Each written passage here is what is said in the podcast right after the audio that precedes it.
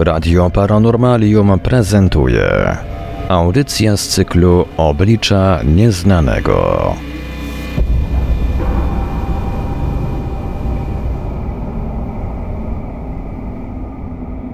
Witamy wszystkich Państwa bardzo gorąco i serdecznie w poniedziałek 9 stycznia 2023 roku na antenie Radia Paranormalium. Właśnie tutaj, właśnie teraz rozpoczynamy kolejny odcinek audycji Oblicza Nieznanego.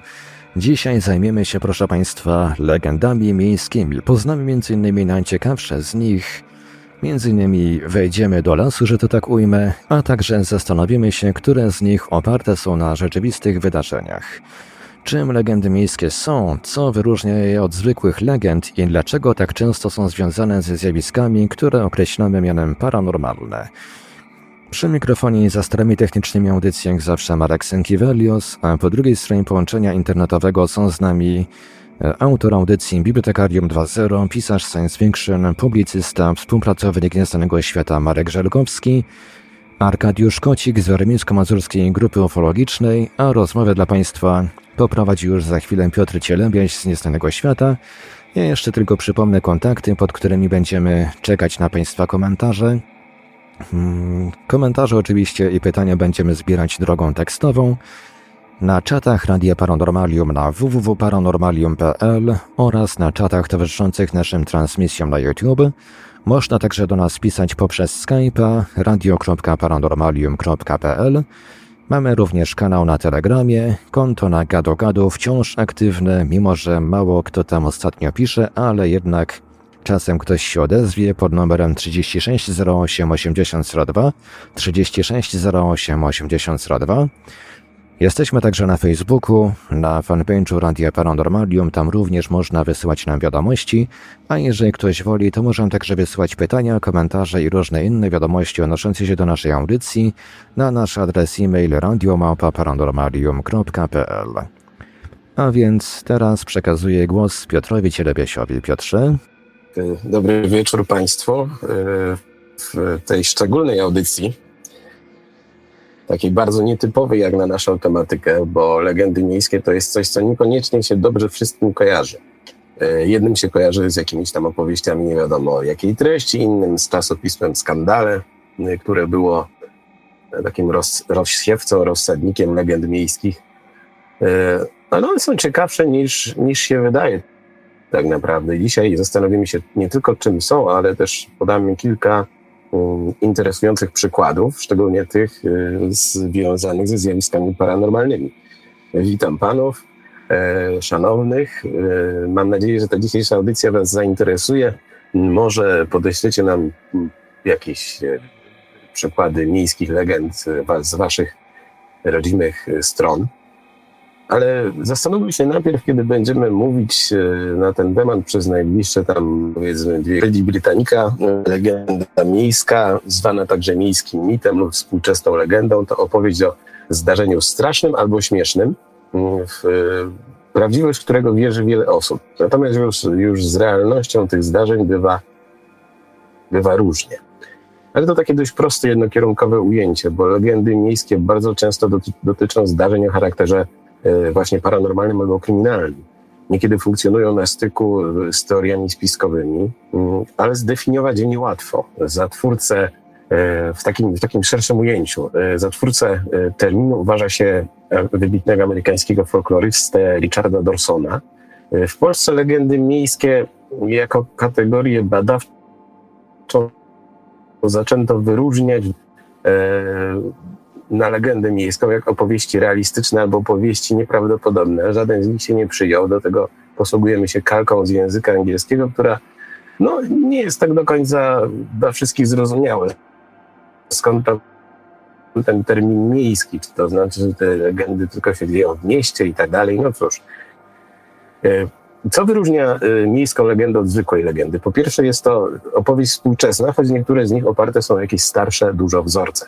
Y, po drugie są to utwory anonimowe, niezwykle chwytliwe i sensacyjne przez internet i No i po trzecie to dość długi czas życia i, i zasięg geograficzny, bo mm, wszelkie sensacyjne opowieści, nawet te rozpowszechniane przez media, zazwyczaj żyją krótko. yy, i są przykrywane przez nowe sensacje. Plotki mają z kolei taki niewielki zasięg, natomiast legenda zwana miejską nie dość, że długo się utrzymuje, to czasem ma zasięg międzynarodowy. Yy, yy, tych wszystkich, którzy pewnie zauważyli, że nadal jestem chory, to przepraszam, te moje warunki głosowe od po prostu dwóch tygodni są jakie są i są coraz gorsze, ale może nam się dzisiaj to uda pociągnąć. Marku, mm, jak ty definiujesz? Ja specjalnie aż e, w jakieś takie definicje, które bym w tej chwili wygłosił w postaci zdania, mm, no jakoś do tej pory nie bawiłem. Natomiast y, mogę powiedzieć o kilku wyróżnikach, a przynajmniej o jednym, który uważam za niezwykle ważny. Na niego, na ten czynnik zwrócił y, również uwagę w swojej książce y, Mark Barber. To jedna z pierwszych książek, która się ukazała pierwszej dekadzie nowego wieku, legendy miejskie nosiła tytuł, więc bardzo oryginalny. To jest w gruncie rzeczy przedruk amerykańskiej pozycji. Wydało to wydawnictwo Redmi. Y, co ciekawe, owszem, autor tej pozycji odwołuje się do amerykańskich legend, ale się nagle bardzo szybko okazuje, że mm, one są jakieś podobne. Przynajmniej część z tych legend jakbyśmy już gdzieś słyszeli. Może nie ma czarnej wołgi, ale jest czarny Cadillac. E, trochę pewno inne źródło tego wszystkiego, ale mm, ciekawe w tej książce jest to, że y, pewien komentarz do tej książki oraz y, osobną część poświęconą y, polskim legendom miejskim napisał no, znany badacz kultury współczesnej, takiej popkultury, a mianowicie Wojciech Orliński, mm, który dosyć dogłębnie to, to rozpracowywał. E, I dlatego ta pozy- tę pozycję uważam za ciekawą, a sam Mark Barber mm, pisze, że jednym z takich ważnych wyróżników legendy miejskiej jest e, to, że szukam w tej chwili fragmentu, żeby go, żeby go znaleźć. O, y, w cudzysłowie napisał tak mniej więcej: przyjaciel przyjaciela. Y, co to oznacza? Że na przykład słyszymy, y, on przytacza taką historię z młodości, kiedy jego kolega opowiedział mu historię, jak to ojciec poszedł do kina, no, tuż przed wejściem na salę kinową, zamówił sobie jakąś tam porcję w KFC, no i zaś, zasiadł na sali, światło zgasło, ogląda film i w pewnym momencie chapnął sobie taką porcję z KFC i poczuł, że coś się dziwnego dzieje, leci mu po brodzie, coś. Wyszedł z sali i zobaczył że, w łazience, że ma twarz um, umorusaną krwią, a to, co nagryzł, było szczurem, który gdzieś tam się zaplątał, e, zaplątał w KFC. Sama w sobie legenda dosyć obrzy obrzydliwa, już nie mówiąc o tym, że mało paranormalna, ale y, o co w tym, po co tę historię przytacza autor książki, a ja za autorem? Otóż y, przez długi, długi, długi czas autor książki chodził z takim przekonaniem, no, że y, ojca przyjaciela spotkała y, traumatyczna przygoda. Kiedy po tych wielu, wielu latach zapytał o nią y, kolegę, to się nagle okazało, że to, co no tak, ale to właściwie nie ojciec miał tę przygodę, tylko dobry kolega tego ojca. E, Mark Parker o tym pisze, że gdyby tak próbować e, po nitce do kłębka dojść, to by się nagle okazało, że ten kolega, to co prawda, no, on bardzo w to wierzy, ale to właściwie nie jemu się stało, tylko dobremu znajomemu i tak dalej, i tak dalej. To jest jedna z cech legend miejskich, mm, że bardzo trudno znaleźć jest y, źródło, a już bardzo, bardzo trudno odnaleźć tę osobę, w tym wypadku akurat poszkodowaną. To wszystko się odbywa w takiej atmosferze, gdzieś ktoś kiedyś komuś, to z jednej strony, ale kiedy jest relacjonowane, to jest relacjonowane prawie jak wiadomość z pierwszej albo z drugiej ręki. Ja sam pamiętam w latach 70. w pierwszej połowie, kiedy moja koleżanka bardzo przejętym głosem opowiadała o czarnej wołdze y, i że to się zdarzyło, no zgadnijcie Państwo, no nie jej, ale jej koleżance bardzo dobrej i o ta koleżanka to widziała i to przeżyła i ta czarna wołga prawie ją tam ci ludzie wciągnęli, do, żeby krew pobrać oczywiście, na śmierć, wyssać biedaczkę. I też się założy, że gdyby spróbować do tej koleżanki dotrzeć, to by się nagle okazało, że co prawda, no tak powiadała, ale to nie jej, tylko jej koleżance i tak dalej, i tak dalej. To jest jeden z takich dosyć ważnych, moim zdaniem oczywiście, wyróżników legend miejskich, mm, no, na które chyba warto mm, zwrócić uwagę. Pewno e, kolejni, kolejni prelegenci będą coś dorzucać, więc e, to ja teraz się zamknę, wyłączę i posłucham dalej. Ale to też nie jest tak, że legenda miejska jest y, nie do zlokalizowania w czasie i przestrzeni, bo jak się okazuje, to często jest. I my dzisiaj opowiemy kilka takich historii, które wiążą się na przykład z pewnymi miejscami y, i z pewnymi tajemniczymi wydarzeniami i czasami y, z wydarzenie realne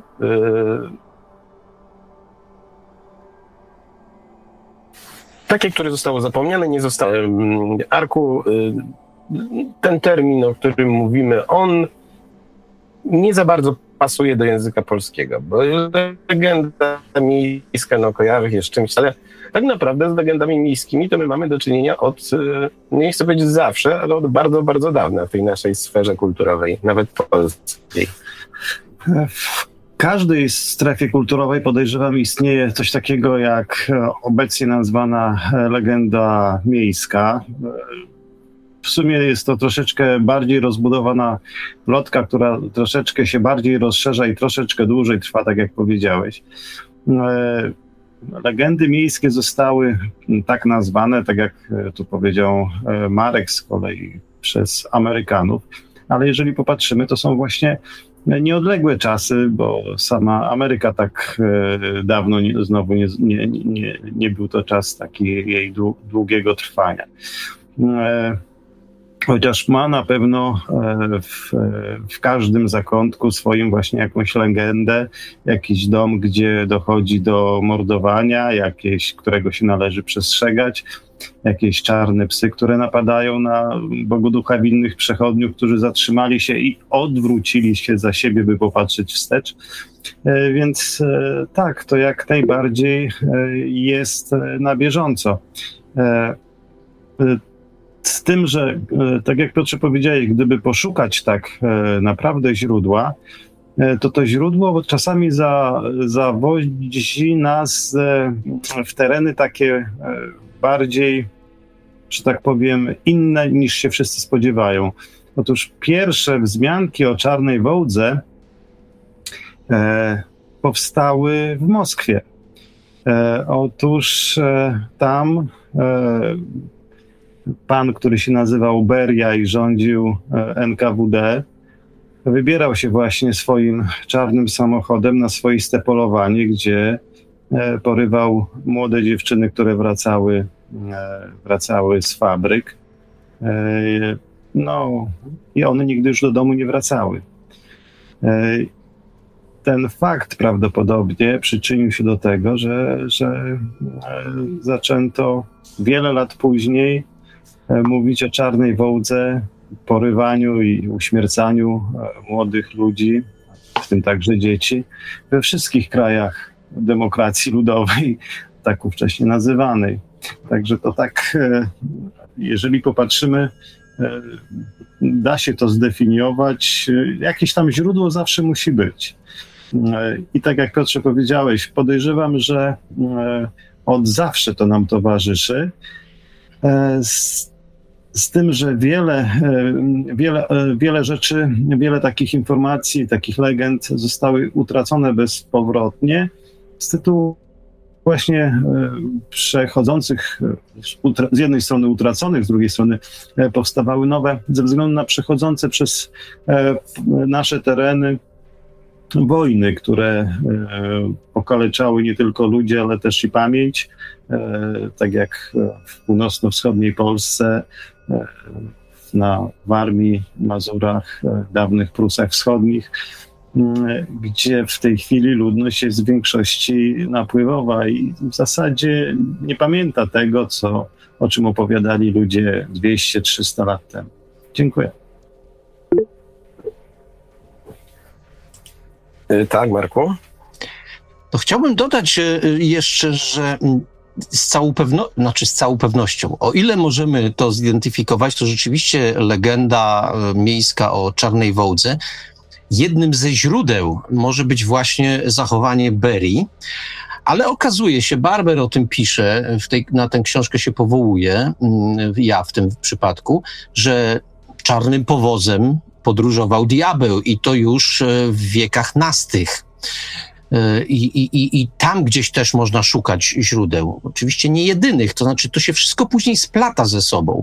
E, Barber mówi też o tym, o legendzie o auto, autostopowiczce, że dzisiaj to jest autostopowiczka, która łapie stopa, samochód, ale kiedyś e, łapała, łapała jakiś powóz, jakąś furmankę albo coś tam jeszcze innego i że te opowieści, które dzisiaj nazywamy legendami miejskimi, one towarzyszą nam od bardzo dawna, one się przepoczwarzają, dostosowują do, do naszych czasów.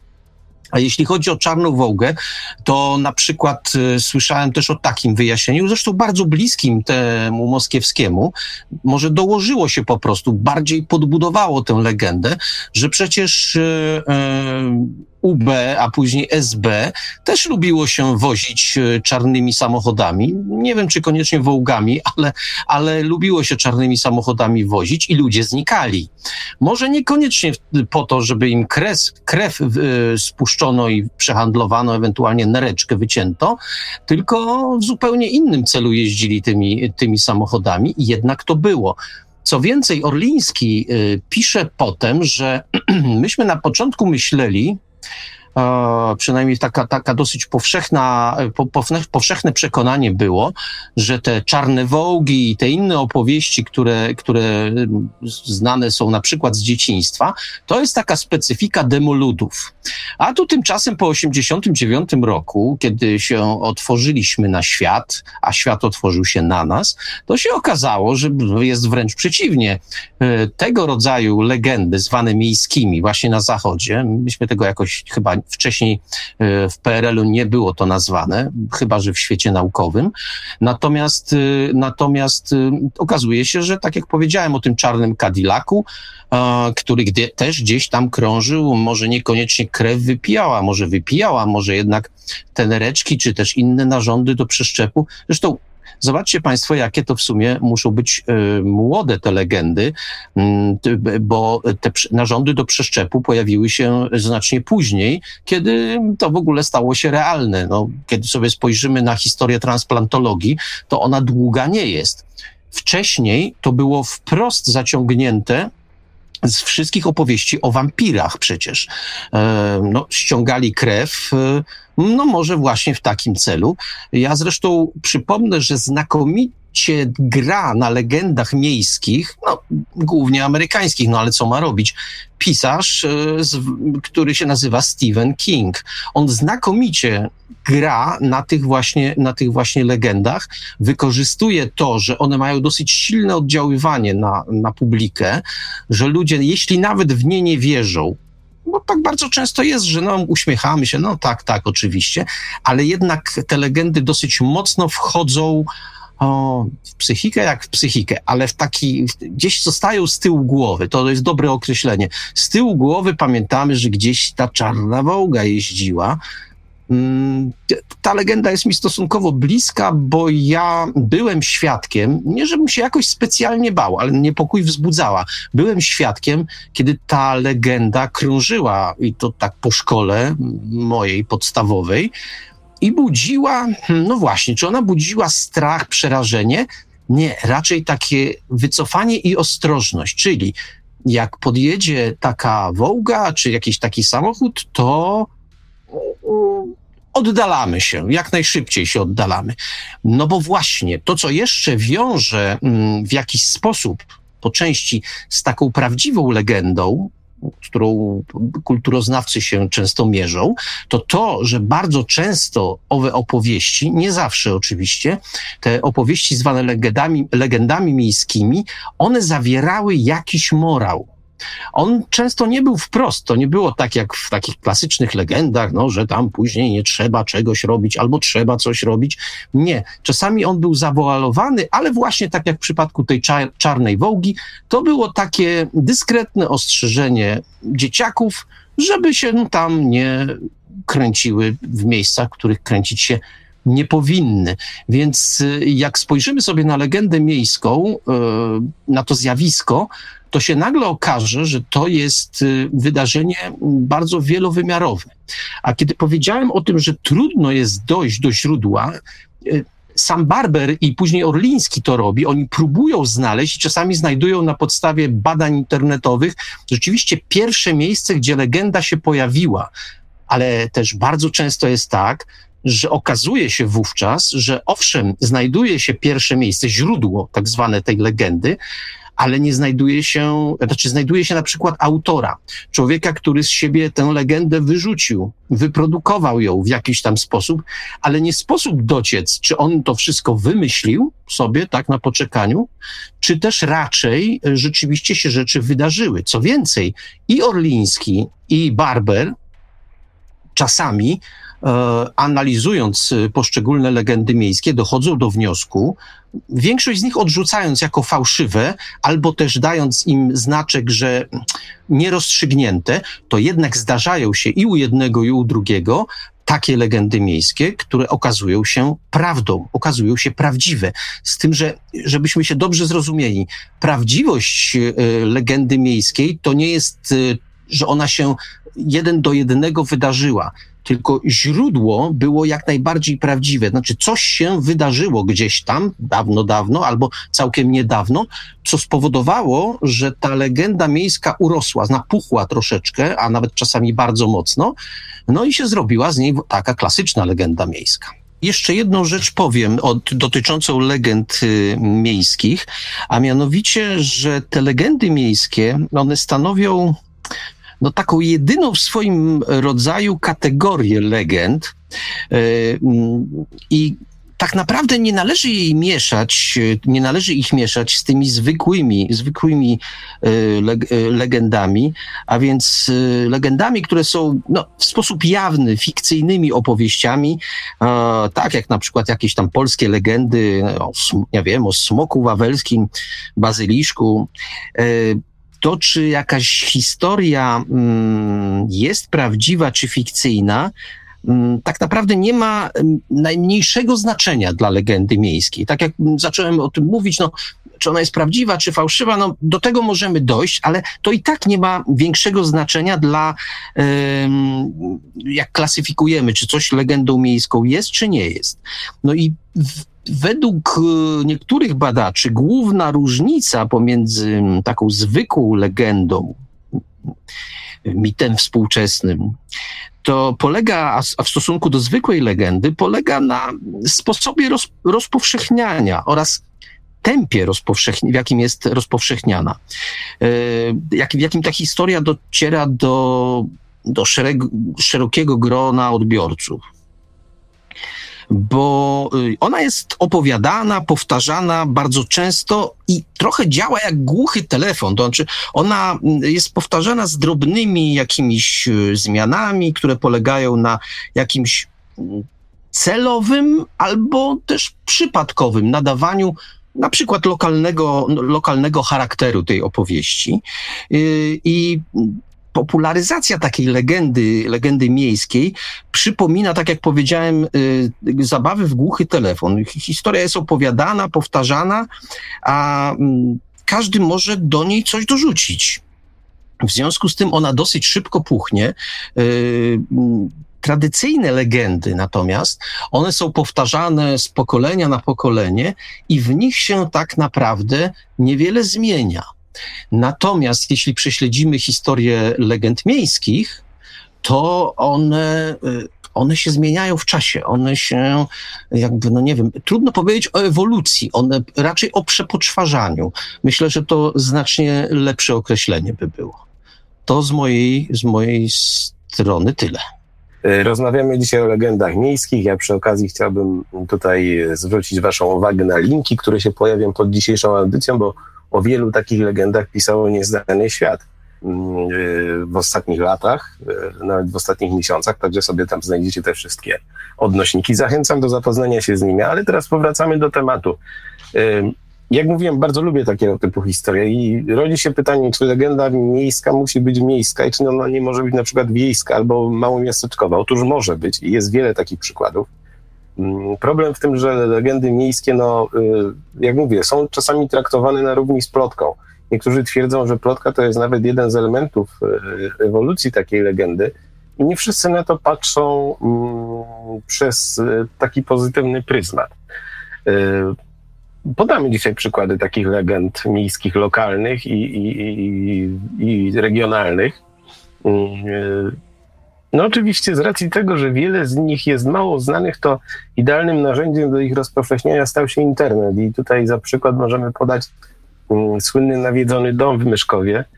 E, ale powróćmy jeszcze na chwilę do tych, do tych e, terminów. E, co do różnicy między legendą a, a mitem. Tutaj w przypadku Mm, bo czasami się stosuje też, też nazwy na przykład mit miejski albo współczesna legenda i to wszystko jest raczej takie mm, Marku y, chyba umowne, bo no tak, chcemy... tak, tak, bo ja już to, jak ciebie nie było, to mówiłem o tym, że um, legenda miejska um, tylko trochę przypomina zwykłą legendę. Mówiłem o tym mechanizmie przekazywania y, y, legendy miejskiej, troszkę jak y, głuchy telefon, czyli ona się bez przerwy przepoczwarza, natomiast legenda klasyczna raczej jest powtarzana z pokolenia na pokolenie. To jest jeden, jeden z wyróżników. Natomiast jeśli chodzi o różnicę pomiędzy mitem a legendą miejską, czy mitem współczesnym, tak naprawdę wielu badaczy traktuje to zamiennie, bo ani też legenda, nie, legenda miejska nie jest klasyczną legendą, ani nie jest też klasycznym mitem. To wszystko raczej um, używane jest tak chciałem powiedzieć, że z, z, przymrużeniem oka. Nie, to złe określenie. Raczej y, tak umownie bardzo, żeby to jakoś opisać po prostu, ponieważ to nie jest zjawisko, które przynależy. To nie jest tak naprawdę ani legenda, ani mit, chociaż czasami, tak jak mówiłem, miewa morały, yy, ale się zmienia. Sposób przekazywania, mówię, przypomina głuchy telefon, yy, czyli gdzieś blisko plotki, to o czym powiedziałeś przed chwilą bo plotka jest też stugębna i tak naprawdę y, z czasem się przepoczwarza.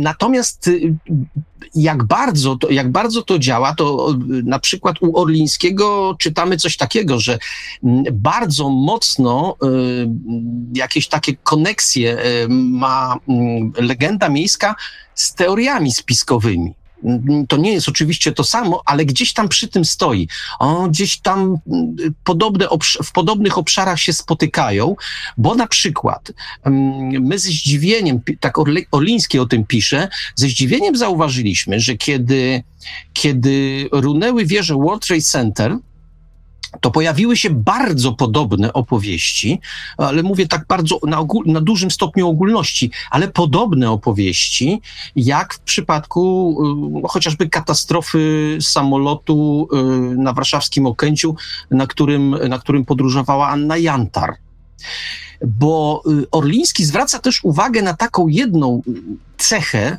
sporej części, aczkolwiek nie całych, nie wszystkich legend, że y, dużą rolę odgrywa brak zaufania do władzy ale wszelkiej. To nie chodzi o to, że my w PRL-u nie ufaliśmy komunistom, w związku z tym y, pojawiały się legendy miejskie. Nie, nie. W ogóle władza jako mm, element jakiejś tam, tu cudzysłów, opresji, a w każdym razie jakiegoś takiego przymusu, kiedy pojawiają się sytuacje dziwne, trudne, jak chociażby katastrofa, czy powiedzmy zamach na World Trade Center, to on, władza natychmiast staje nie dość, że e, w świetle Jupiterów, to w dodatku nagle się ten w, tej, w tej władzy zaczyna odkrywać jakiś taki element demoniczny, i to też jest jeden z elementów, przynajmniej części e, legend miejskich. Zresztą wspominany przeze mnie bez przerwy y, autor książki, czyli Barber, mówi, podzielił sobie, podzielił sobie swoją książkę na szereg kategorii, to znaczy nie wrzucił wszystkich legend do, do, jednego, wor, do jednego worka. Ja Państwu przytoczę kilka tytułów.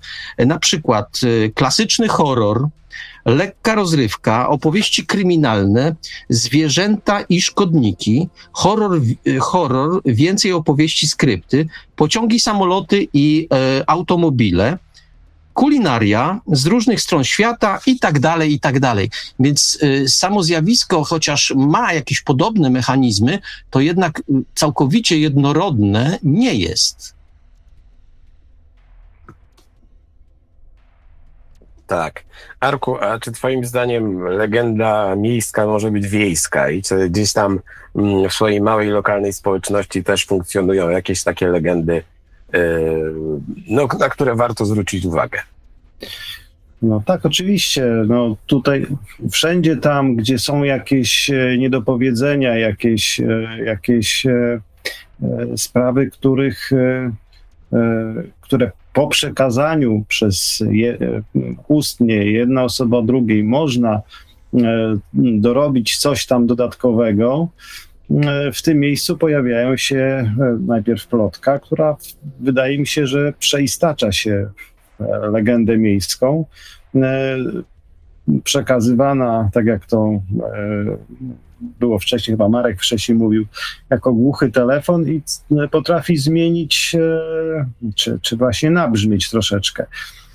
Takie plotki o, między innymi o, o czarnej wołdze, ja pamiętam to w ten sposób, że mój ojciec rozmawiał z innym nauczycielem właśnie o tym, że dzieci ze szkoły, bo byłem, mieszkaliśmy wtedy na wsi, e, muszą, jeżeli jest taka możliwość, żeby wracały do domu właśnie nie przy drogach, nie przy drodze głównej, e, a lasem, bo las okazało się mógł być bezpieczniejszy.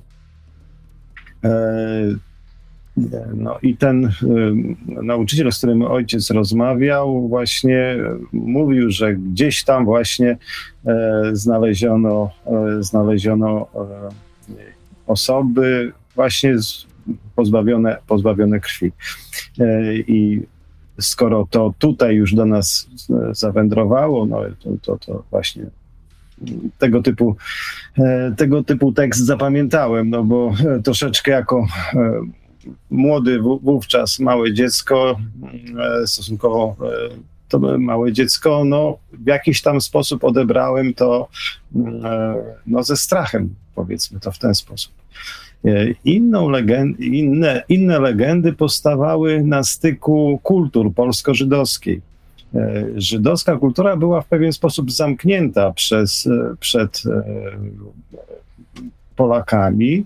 E, I tutaj też narastały, bardzo dużo jest e, legend związanych właśnie z tym, że e, Żydzi w swoich, w swoich obrzędach, czy tam produkowali macę, czy coś takiego, wykorzystali, wykorzystywali krew małych dzieci, noworodków.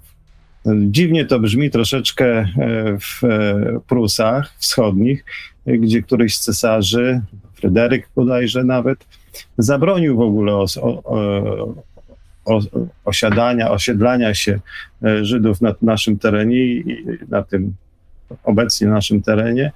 I było ich tutaj naprawdę mało, a ci, którzy byli, byli e, mieli na, na to na tyle dużo pieniędzy, żeby, żeby poprzekupywać odpowiednie osoby, tak jak Mendelssohn, rodzina Mendelssohnów i. E, także e, to takie kulturowo, kulturowe jakieś tam tego typu rzeczy, jakieś niedomówienia również powodowały powstawanie legend miejskich. Oczywiście jest też legenda miejsko-wiejska o czarnym psie, który gdzieś tam chodzi za osobami, które pokazują się nie w tym miejscu, w którym powinny. Oczywiście są e, legendy e, o, o e, ludziach, którzy słysząc dzwony w podziemi, gdzieś tam w podziemiach próbowali uzyskać, kopać tam, żeby dostać się do skarbu i ginęli bezpowrotnie. E, to są takie dosyć stare legendy e, z, miejski, z miejskich legend, to po prostu no, ciężko jest mi tutaj przytoczyć jakąś tak konkretnie. Odnoszą się one przeważnie do, do jakichś właśnie takich domów, w których się coś złego działo, nawiedzonych domów i właśnie tego typu rzeczy. W sumie tak naprawdę tutaj w naszej takiej części badawczej, że tak powiem, ufo, ufologicznej, ufologicznie badawczej, w zasadzie z taką legendą miejsko-wiejską ciężko się, znaczy nie spotkałem się. No w sumie jedna jest taka coś takiego, co w tej chwili e, próbuję badać, a to mianowicie e, też będzie zapewne za jakiś czas podchodziło pod legendę miejską. No, mianowicie w pewnym okresie czasu bardzo dużo było e, samobójstw młodych chłopaków, gdzieś tam młodych, no stosunkowo młodych, od 18 do tam 27 lat bodajże. E, i naprawdę e, dosyć e, niektóre, niektóre rzeczy, które opowiadają rodziny te, z, który, który, z którymi miałem kontakt, są miejscami troszeczkę przerażające, no ale to może kiedyś przy okazji, jak troszeczkę więcej się w to zagłębię i zobaczymy z perspektywy czasu, co te osoby będą mówiły na ten temat. Może, może faktycznie okażą się początkiem e, albo, albo legendy wiejskiej, która przyniesie się do miasta, albo po prostu e, jakieś wyjaśnienie e, zyskamy. Dziękuję. Dzięki. Wspomniałeś o dwóch rzeczach, do których chciałbym się odnieść. Pierwsza to bardzo ważna kwestia. Otóż wiele historii, które mogliście słyszeć od swoich babci, dziadków, wujków i tak dalej, takich no, rodzinnych opowieści, że tam ktoś kiedyś coś słyszał, jakieś tam strachy, to też są miejskie legendy, tylko już trochę postarzałe i pokryte mchem.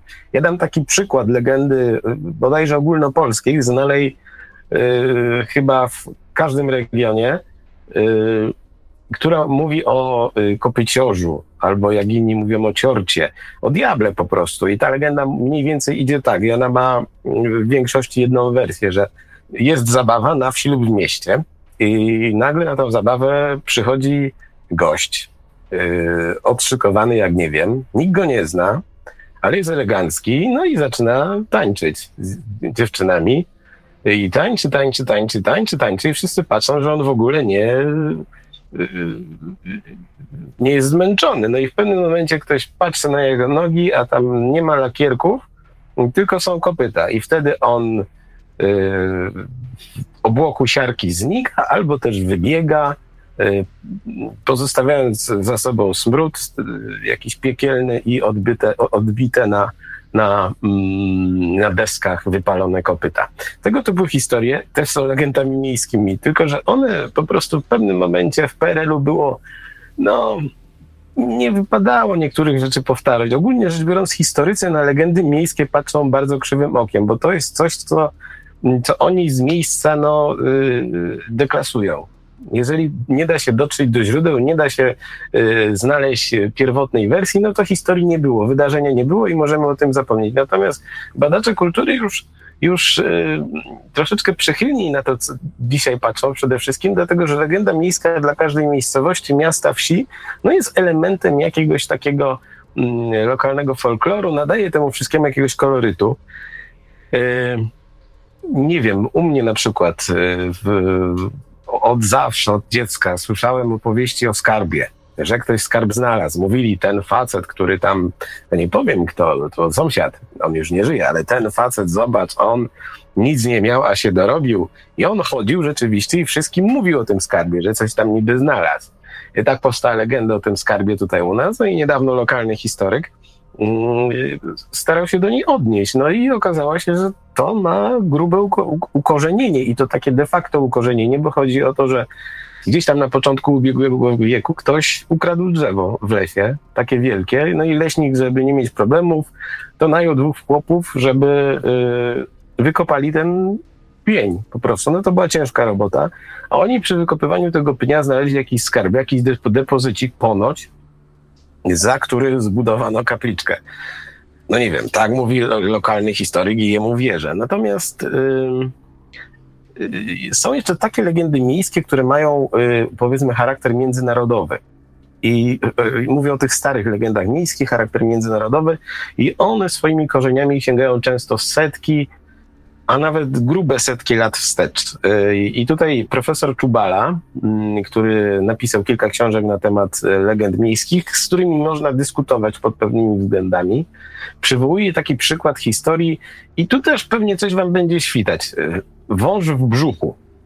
Wąż w brzuchu, nie nóż w brzuchu, tylko wąż w brzuchu znacie chyba taką historię, może w wersji z żabą, że ktoś sobie leży, na przykład zasypia na dworze, przy jakiejś wodzie, no i potem się źle czuje, idzie do doktora, okazuje się, że ma w środku gdzieś tam w brzuchu żywego węża.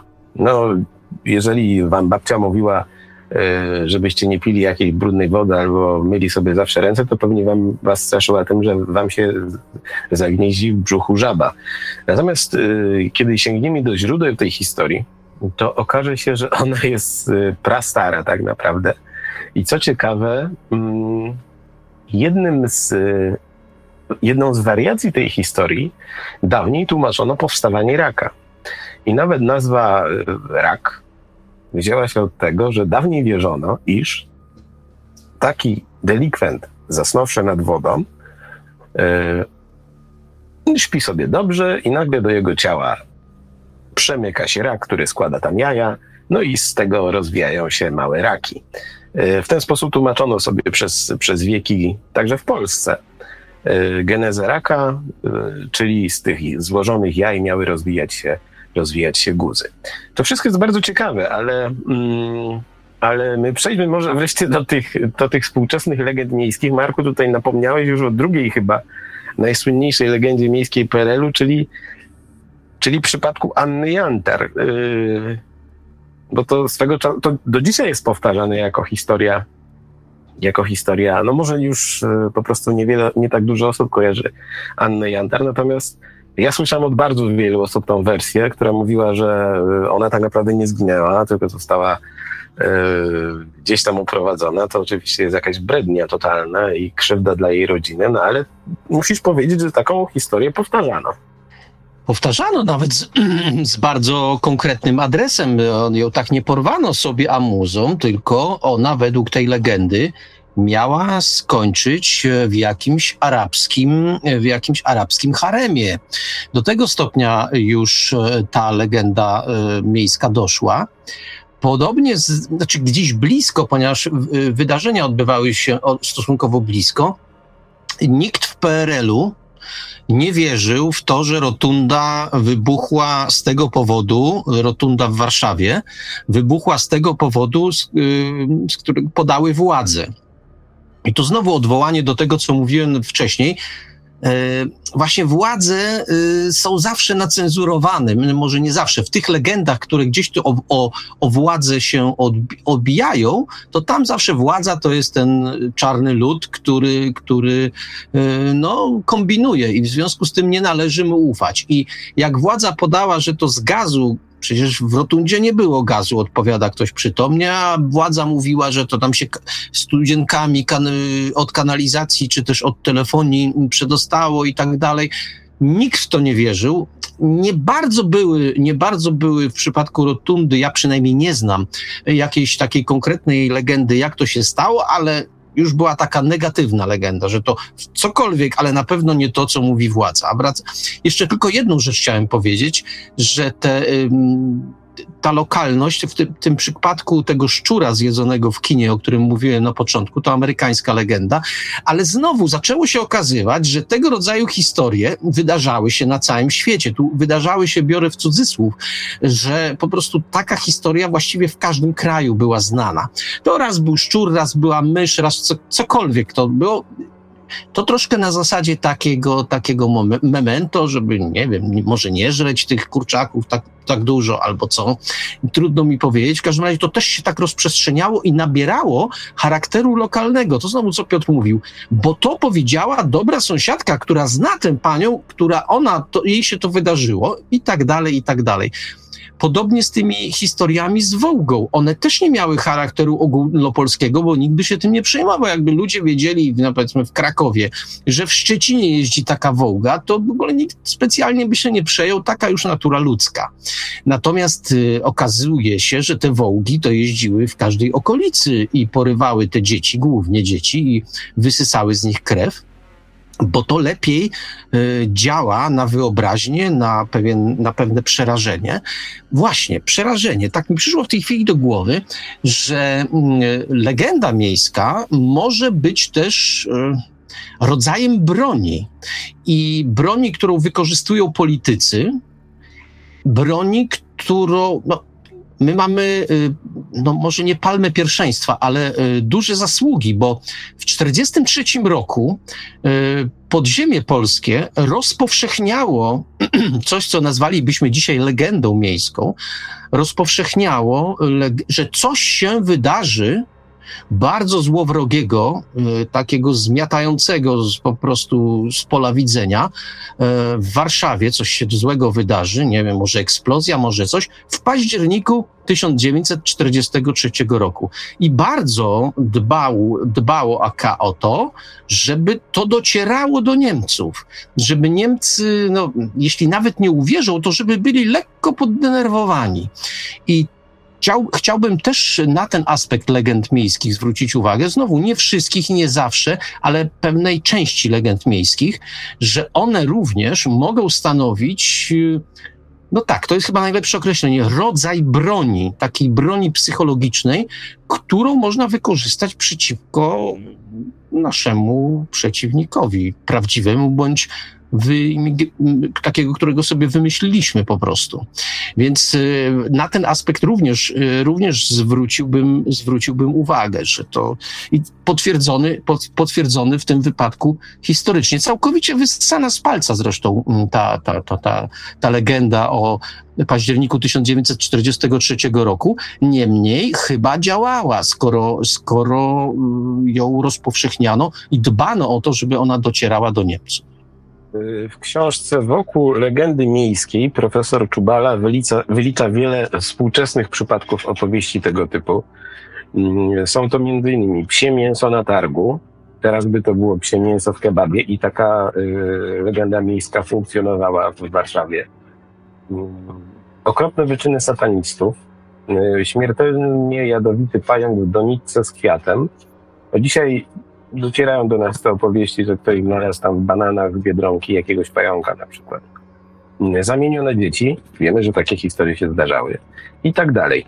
Wspomina też taki ciekawy aspekt z lat 90. My już nam on może troszeczkę um, umknął w pamięci, natomiast wiązał się z zakażeniami y, wirusem HIV. HIV. Tak, i w niektórych miastach wręcz, jak pisze, roznoszono ploczki, że ten czy owy dentysta, czy nie roznosi potajemnie, tak? Albo że w danym szpitalu zaraża się ludzi. I, i to też rodziło prawdziwą panikę. Mm. Co jest dziwne dla mnie w, pra w, pracach Czubali, to, że on nie zwraca uwagi na zjawisko UFO. Znaczy, z jednej strony dobrze, tak? Bo y, tak naprawdę, jeżeli chodzi o UFO, to z racji tego, że mieliśmy dobrych badaczy i mamy dobrych badaczy, to te historie się rzadko przeradzały w legendy. Dlaczego? Dlatego, że o każdym z przypadków można było gdzieś przeczytać a to u Piechoty Izopeckiego, a to u, y, u innych, a to u, u Bzowskiego i tak dalej. Z tego powodu na przykład y, legenda o czerniakowskiej strefie UFO no już nie może być nazwana tak legendą w 100%, dlatego że jest udokumentowana przez, przez grono badaczy. Ale Czubala pisze na przykład, że mm, o tym UFO w Polsce było absolutnie, absolutnie cicho i on jeździł gdzieś tam po Związku Radzieckim i te historie zdobywał. U nas też tych historii było sporo. Na pewno miejska legenda o jakimś dziwnym wydarzeniu przykształca się właśnie w taką opowieść e, dziką i sam, samo, samorozchodzącą się, wtedy, kiedy nie, nie możemy o niej nigdzie przeczytać, tylko zdobywamy informacje od sąsiadów.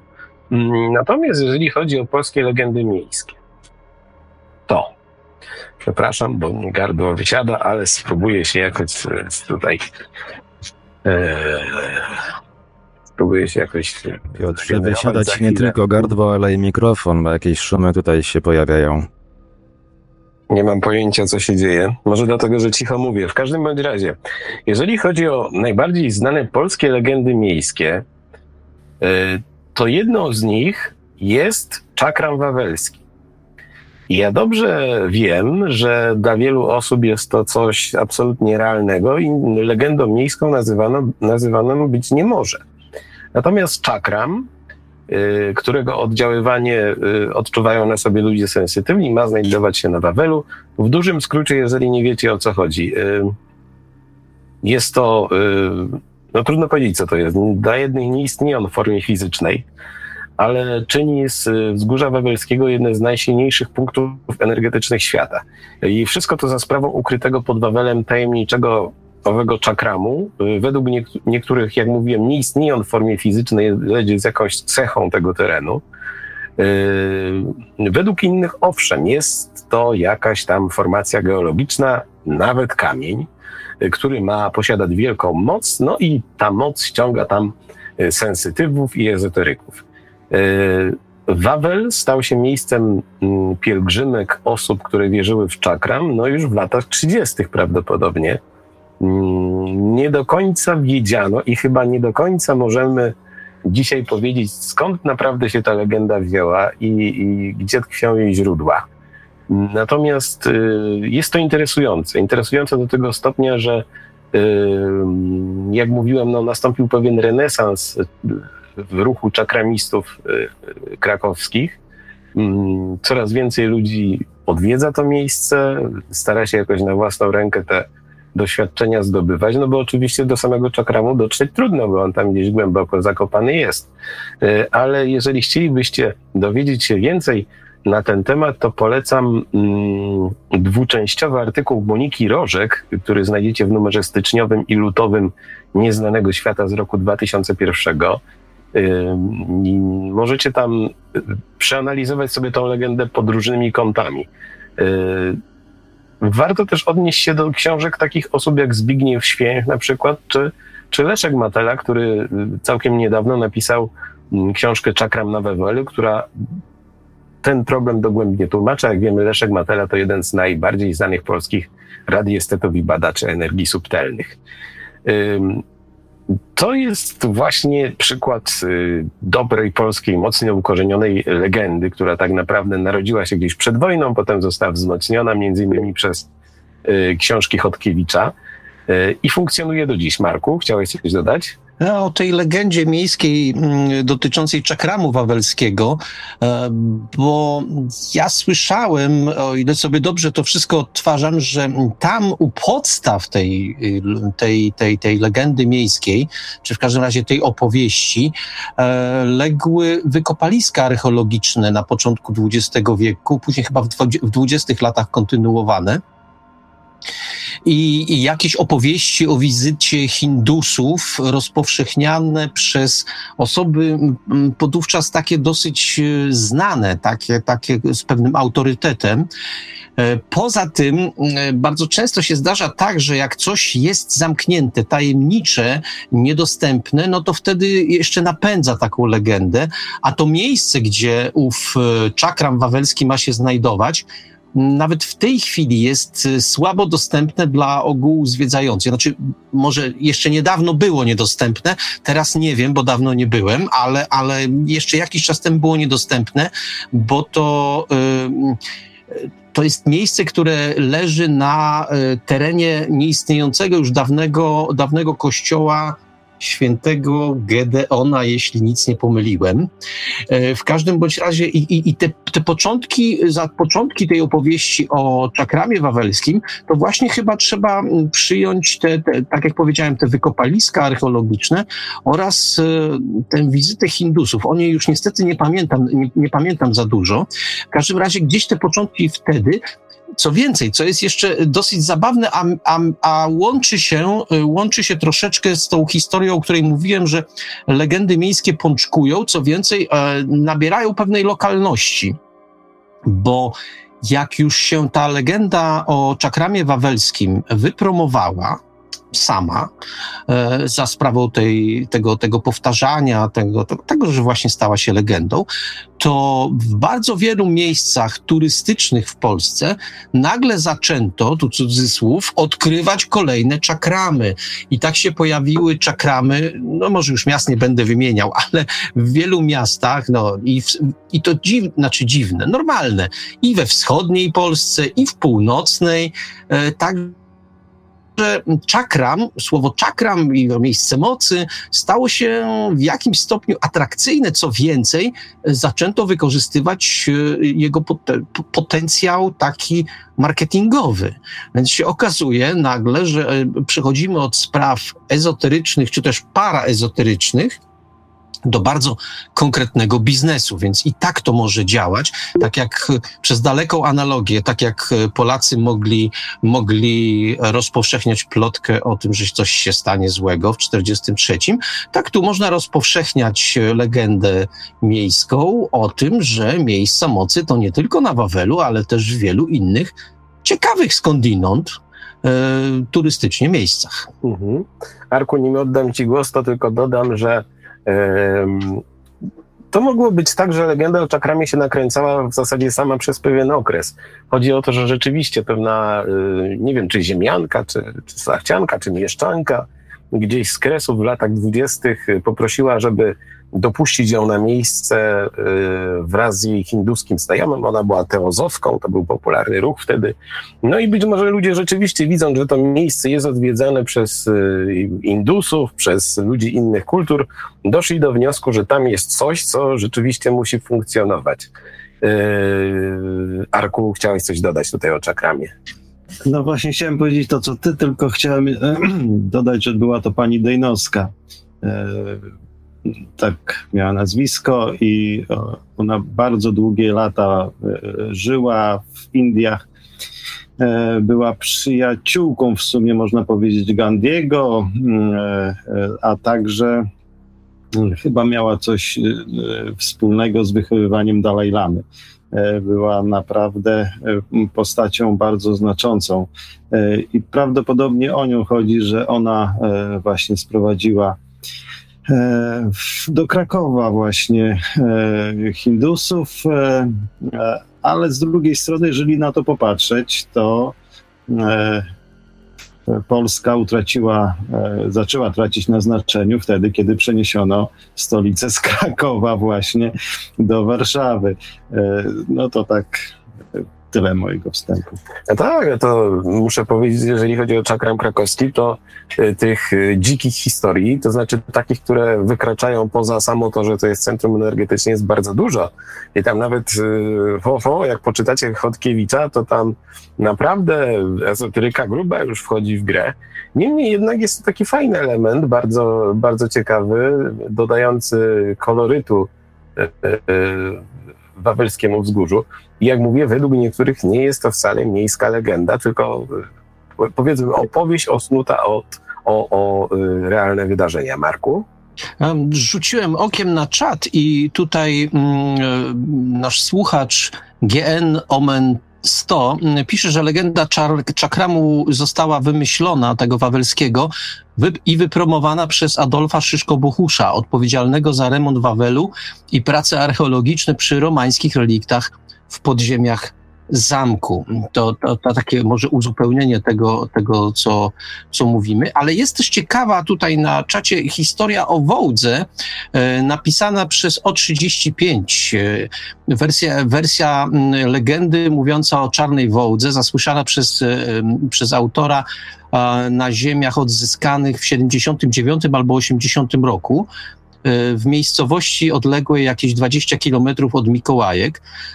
W owym czasie przestrzegano tam dzieci, aby uważały na obce samochody, ponieważ są przypadki porywania małych dzieci, które są następnie patroszone z wnętrzności, które są zastępowane kosztownościami przemycanymi przez granicę. Gdy przekraczano granicę, mówiono celnikom, że dziecko śpi i proszę go nie budzić. To takie uzupełnienie e, naszych wcześniejszych wątków. No, jest taka wersja legendy mówiąca o tym, że mafia azjatycka w Europie dopuszczała się czegoś podobnego, e, tylko wykorzystywała narkotyki. E, także te historie, jak widać, się mnożą i, i, i w ogóle. Jeżeli chodzi o tego Szyszko Bohusza, to ja słyszałem taką wersję, że on w zasadzie no nie, nie miał tam żadnego przyczynku do wykreowania legendy, prócz tego, że pozwolił y, odwiedzić to miejsce właśnie. I nie wiem, tu są różne nazwiska. Ja słyszałem, że to była pani Bożobohata z Hindusem. I Hindus przyjechał, zobaczył i tak powstała legenda. Y, y, no, ale jak chcecie się dowiedzieć, to polecam wam, jak mówiłem, książkę Czakram, Serce Wawelu, Leszka Mateli oraz y, ten tekst Moniki Rożek z Nieznanego Świata. Jeżeli chodzi o miejsca mocy i takie lokalne, no nie wiem, miejskie legendy, tu w tym przypadku to jest dobra, dobre określenie, ale mm, w Nieznanym Świecie ukazał się niedawno tekst na temat y, białowieskiego miejsca, białowie, tak, białowieskiego miejsca mocy. Y, bardzo dziwna historia, y, zrelacjonowana przez Piotra Bajko, także polecam wam, znajdziecie ten artykuł w, mm, w odnośnikach. Chodzi o to, że to jest miejsce, no, które też ma jakąś specyficzną aurę, ale okazuje się, że tam y, z jakichś powodów po wojnie trafiła pewna sekta i to już jest samo, samo z siebie dziwne. Ale panowie, no my tutaj cały czas od samego początku krążymy wokół tematu czarnej wołgi. Y, I kiedy zajrzymy do książek i opracowań, to po pierwsze okazuje się tak, że ta kultowa, kluczowa y, polska miejska legenda, to ona wcale nie jest taka znowu bardzo polska. Dlatego, że czarnymi samochodami y, w bloku wschodnim to straszono mniej więcej wszędzie, aż po Mongolię. Legenda o czarnej wołdze y, znana jest w swojej wersji nawet w Grecji. Y, Marku, jakie tutaj były główne, główne wątki w tej legendzie? No mieliśmy samochód, który był oczywiście czarny, ale który miał ponoć białe opony i białe zasłonki, tak? A w środku, no i tu już była cała ranga możliwości, bo jeździli albo UBC, albo SBC, albo księża, albo zakonnice, albo Niemcy i kto jeszcze? A kto jeszcze, to nie wiem, ale rzeczywiście chciałem powiedzieć o tym, że jeździły tą Wołgą, tymi Wołgami właściwie, przeróżne osoby i to może, mogłoby wskazywać, że legenda miejska, tak jak wspominałem o tej akcji AK, tak mogła stać się w pewnym momencie takim, takim gadżetem, który służył do wzajemnego okładania się. No na przykład y, kościoła. No, czemu, czemu nie rozpuszczać plotki, że to księża jeżdżą tymi czarnymi samochodami? Zresztą zwróćcie Państwo uwagę, biskupi bardzo często jeździli jednak, nawet w czasach PRL-u, całkiem konkretnymi samochodzikami, no może i wołgami, nie wiem, tego, w tym, jeśli chodzi o to, to się akurat nie orientuję, ale to zawsze musiał być jakiś um, bardzo konkretny samochód, taki, taki, dzisiaj byśmy powiedzieli, no właściwie to stare słowo, wypasiony. W związku z tym, no to jeśli chodzi o księży, z drugiej strony, no nic tak e, człowiek nie czyni, że mu się na duchu lżej robi, jak e, wrobienie znienawidzonej esbecji czy ubecji w jakieś takie dosyć podejrzane, podejrzane rytuały, czy podejrzane w ogóle sprawy. Mm, co więcej, ta legenda się samo potwierdzała, bo rzeczywiście te, te osoby e, takimi samochodami jeździły. I, i, I to mówię, taka samo nakręcająca się historia. W dodatku jeszcze, ja od początku audycji mówię, że y, odmiana tej, tej legendy funkcjonowała również w Stanach Zjednoczonych. Tam nie było Wołgi, no bo kto by Wołgą jeździł? Znaczy, znowu, Wołga była przecież z żynką z zachodniej technologii, w związku z tym no, ona tak mocno przypominała te amerykańskie samochody z tymi wszystkimi o, takimi, ta, szczególnie ta pierwsza Wołga, która była taka, taka właśnie starodawna, miała te wszystkie przetłoczenia, lampy dosyć specyficzne. No więc w Stanach Zjednoczonych również jeździły czarne samochody, również w niecnych celach, tylko no oczywiście nie było UB i, i nie było jakichś, ale zawsze się, zawsze się ktoś, e, ktoś e, zainteresowany mógłby znaleźć. Co więcej, Stephen King, już wspomniany przeze mnie, bo wiedziałem, że on wykorzystuje legendy miejskie, no to w jego opowiadaniach można znaleźć wręcz opowiadanie, w którym e, jeden z wampirów europejskich podróżuje e, po Stanach Zjednoczonych nocą, oczywiście nocą podróżuje, samolotem też czarnym, w którym jest ziemia, bo wiadomo, że ta ziemia musi być, żeby ta moc e, została zachowana. I, I ten samolot też pełni rolę nie dość, że transportową, no to taką, że pozwala się temu wampirowi w różne miejsca kraju przemieszczać. No bo taki wampir lokalny, no to jak ktoś zna historię miasteczka Salem, Yy, mówię o powieści Kinga, no to wie, że jak takie miasto zostanie zainfekowane wampiryzmem, jakimś drakulizmem, no to bardzo szybko się degeneruje, no bo wszyscy mm, jeden po drugim stają się wampirami i takie miejsce no, z punktu widzenia normalnego człowieka jakby skażone było. No to, to mamy kolejną wariację u Kinga, że ten wampir sobie podróżuje po całych Stanach Zjednoczonych, które jednak dużym krajem są, podróżuje po całych Stanach Zjednoczonych, no i tak sobie tu zassa, tam zassa i i jakoś interes, interes się kręci. Mówię o tym tak lekko, ale żeby zwrócić uwagę, że myślę, że ciekawe by było, bardzo ciekawe, bo wspomniałeś Piotrze o Grecji, no to było już nie demoludowe państwo, a zatem coś tam przenikało od nas, być może. Zwróćcie Państwo uwagę, że również dyplomaci e, wszelkiej maści, również e, no do dziś dzisiaj lubią podróżować wielkimi czarnymi samochodami, więc może coś na rzeczy jest. Ale co chciałem powiedzieć, że ciekawe by było, gdyby zbadać, prześledzić, czy legenda Czarnej Wołgi pojawia się również e, w innych krajach europejskich. Czy się pojawia na przykład w Niemczech, czy się pojawia, nie wiem, w Wielkiej Brytanii, Francji. To byłoby dopiero e, i, i, i z tego można by wyciągnąć jakieś wnioski, mm, komu na przykład we Francji przypisywano by kierowanie tąże czarną wołgą i też motywy jej poruszania się po kraju. Ale tak jak jeszcze raz to podkreślę, zwróćcie Państwo uwagę, że jak w sumie no, nieprzewrotne, ale jak wielofunkcyjne są te historie.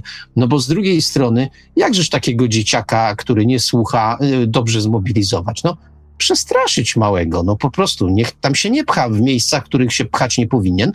Jak mu się opowie o czarnej wołdze, która go tak de facto może wyssać, doprowadzić do śmierci, no to się dzieciak zastanowi kilka razy, zanim jakieś głupoty zacznie robić. Więc doszliśmy do pewnego, w pewnym momencie do tego, że ta wołga, legenda czarnej wołgi mogłaby mieć wręcz znaczenie dydaktyczne.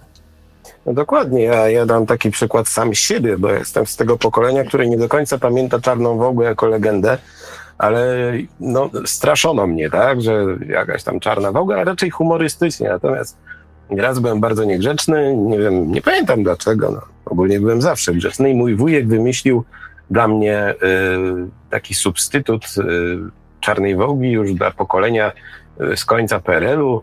Nazwał tego potwora Józek Skręci Wilków y, i wymyślił całą historię o tym Józku. I to mnie tak przeraziło, że jestem pewien, że ten Józek sprawił, że zajmuję się dzisiaj tym, czym się zajmuję. To tak poruszało moją wyobraźnię, że nie jesteście sobie w stanie tego wyobrazić. Ale posłuchajcie, bardzo się cieszę, że się tak uaktywniliście na czacie. Yy, kilka bardzo ciekawych historii przekazał nam na przykład yy, pan Piotr Y, pan Marcin Świetlicki. I tutaj chciałbym je przeczytać, tylko muszę sobie je jakoś y, ogarnąć, ale y, fajną historię, bardzo klimatyczną przekazał nam mm, użytkownik o takim niku O35 user. Przeczytam wam. Lokalna legenda miejska chodzi o potwora, którego nazywano fosfor. W dzielnicy, w której mieszkam od urodzenia, do dziś jest stary cmentarz katolicko-prawosławny, który znajduje się około 60-80 metrów od dużej szkoły podstawowej.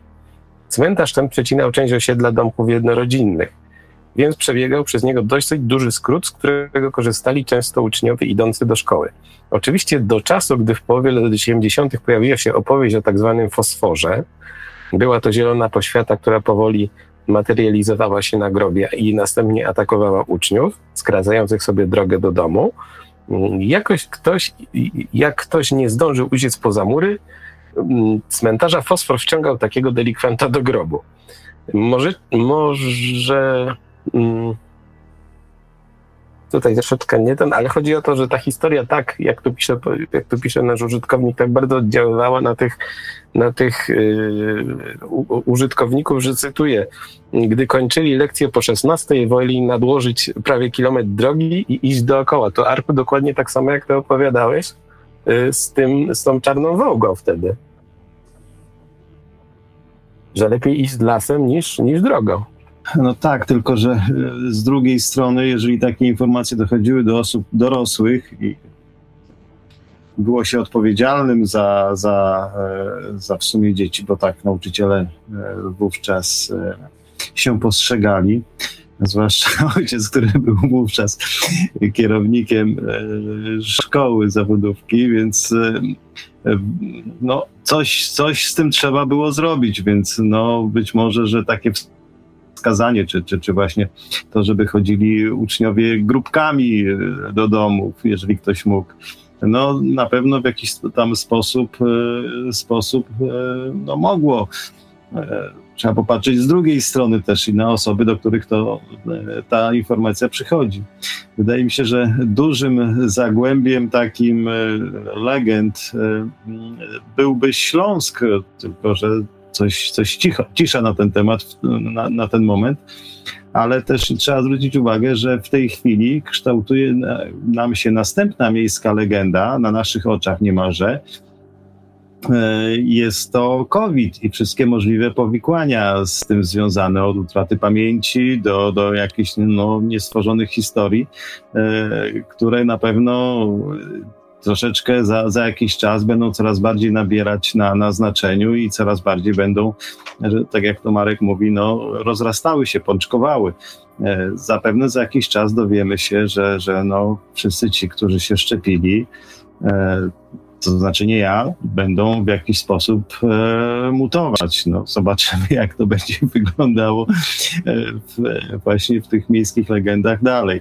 E, jeżeli chodzi o, o Śląsk, no to są przecież e, na pewno górnicy e, będą wspominać o, o świetliku, czy, czy czymś takim, który się pojawia, który straszy albo ewentualnie ostrzega i, lub pokazuje złoża gdzieś tam hen daleko w kopalni, czasami daje nadzieję, czasami przestrogę.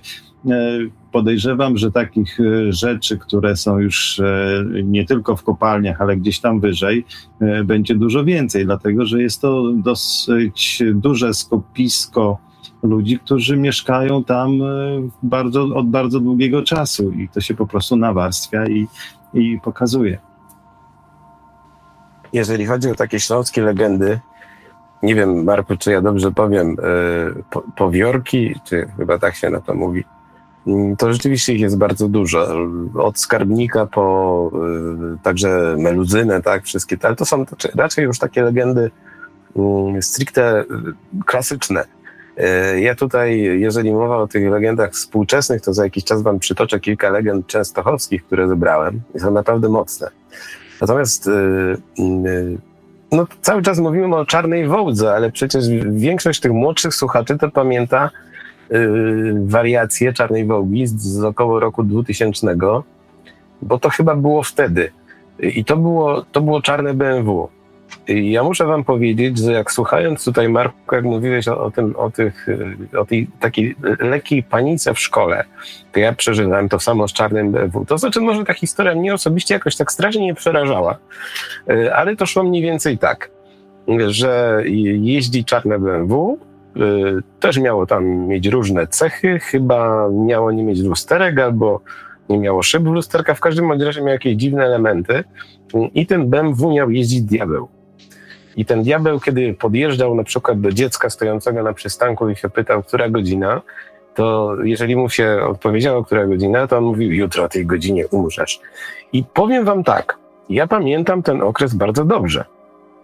I na 100% czytałem w prasie, i to nie żadnej tabloidowej, tylko lokalnej, w miarę normalnej, że na przykład w zawierciu yy, takie BMW było widziane, że tutaj w jakimś, jakiejś miejscowości ktoś popełnił samobójstwo i rozpatrują tą możliwość.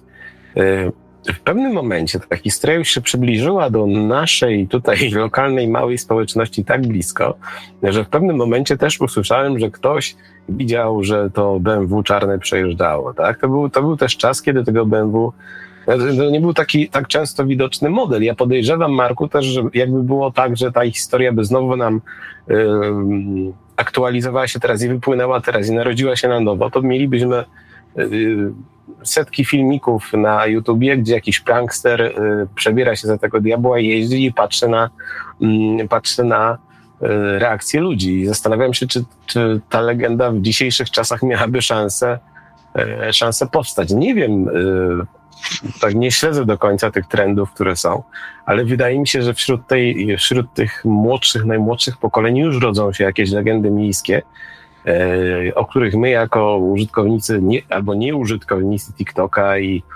osoby no już troszeczkę e, nie z tego pokolenia nie mamy, nie mamy zielonego pojęcia. Ale Marku, czy ty słyszałeś o tym BMW czarnym, którym jeździł Diobeł? No, słyszałem, bo o tym, tu akurat nie pada nazwa BMW, ale e, jest taki reportaż e, Wojciecha Chudzińskiego i e, Tadeusza Oszubskiego w książce Niewyjaśnione zjawiska w Polsce. O, to już taka dosyć leciwa publikacja, bo już nie spojrzę, to, w którym to roku było wydane, dosyć dawno, no w każdym razie w pierwszym dziesięcioleciu, mm, o, 2003 rok. I tam jest reportaż e, zatytułowany Nowoczesny mit po polsku, czyli Czarny samochód. To jest reportaż e, z Gorzowa Wielkopolskiego, E, więc z zachodnich, z zachodnich granic praktycznie. I tam jeszcze pada też taki szczegół, bo oczywiście autorzy reportażu dotarli nie tylko do osób, które um, twierdziły, że widziały ów czarny samochód, ale również odwiedzili Straż Miejską, rozmawiali, rozmawiali z nauczycielami.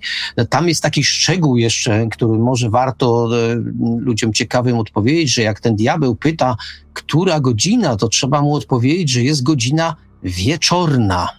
To jest jedyny sposób, żeby się wykaraskać z problemów, bo jeśli mu się właśnie odpowie, że jest konkretna jakaś godzina, to następnego dnia o tej samej porze się umiera.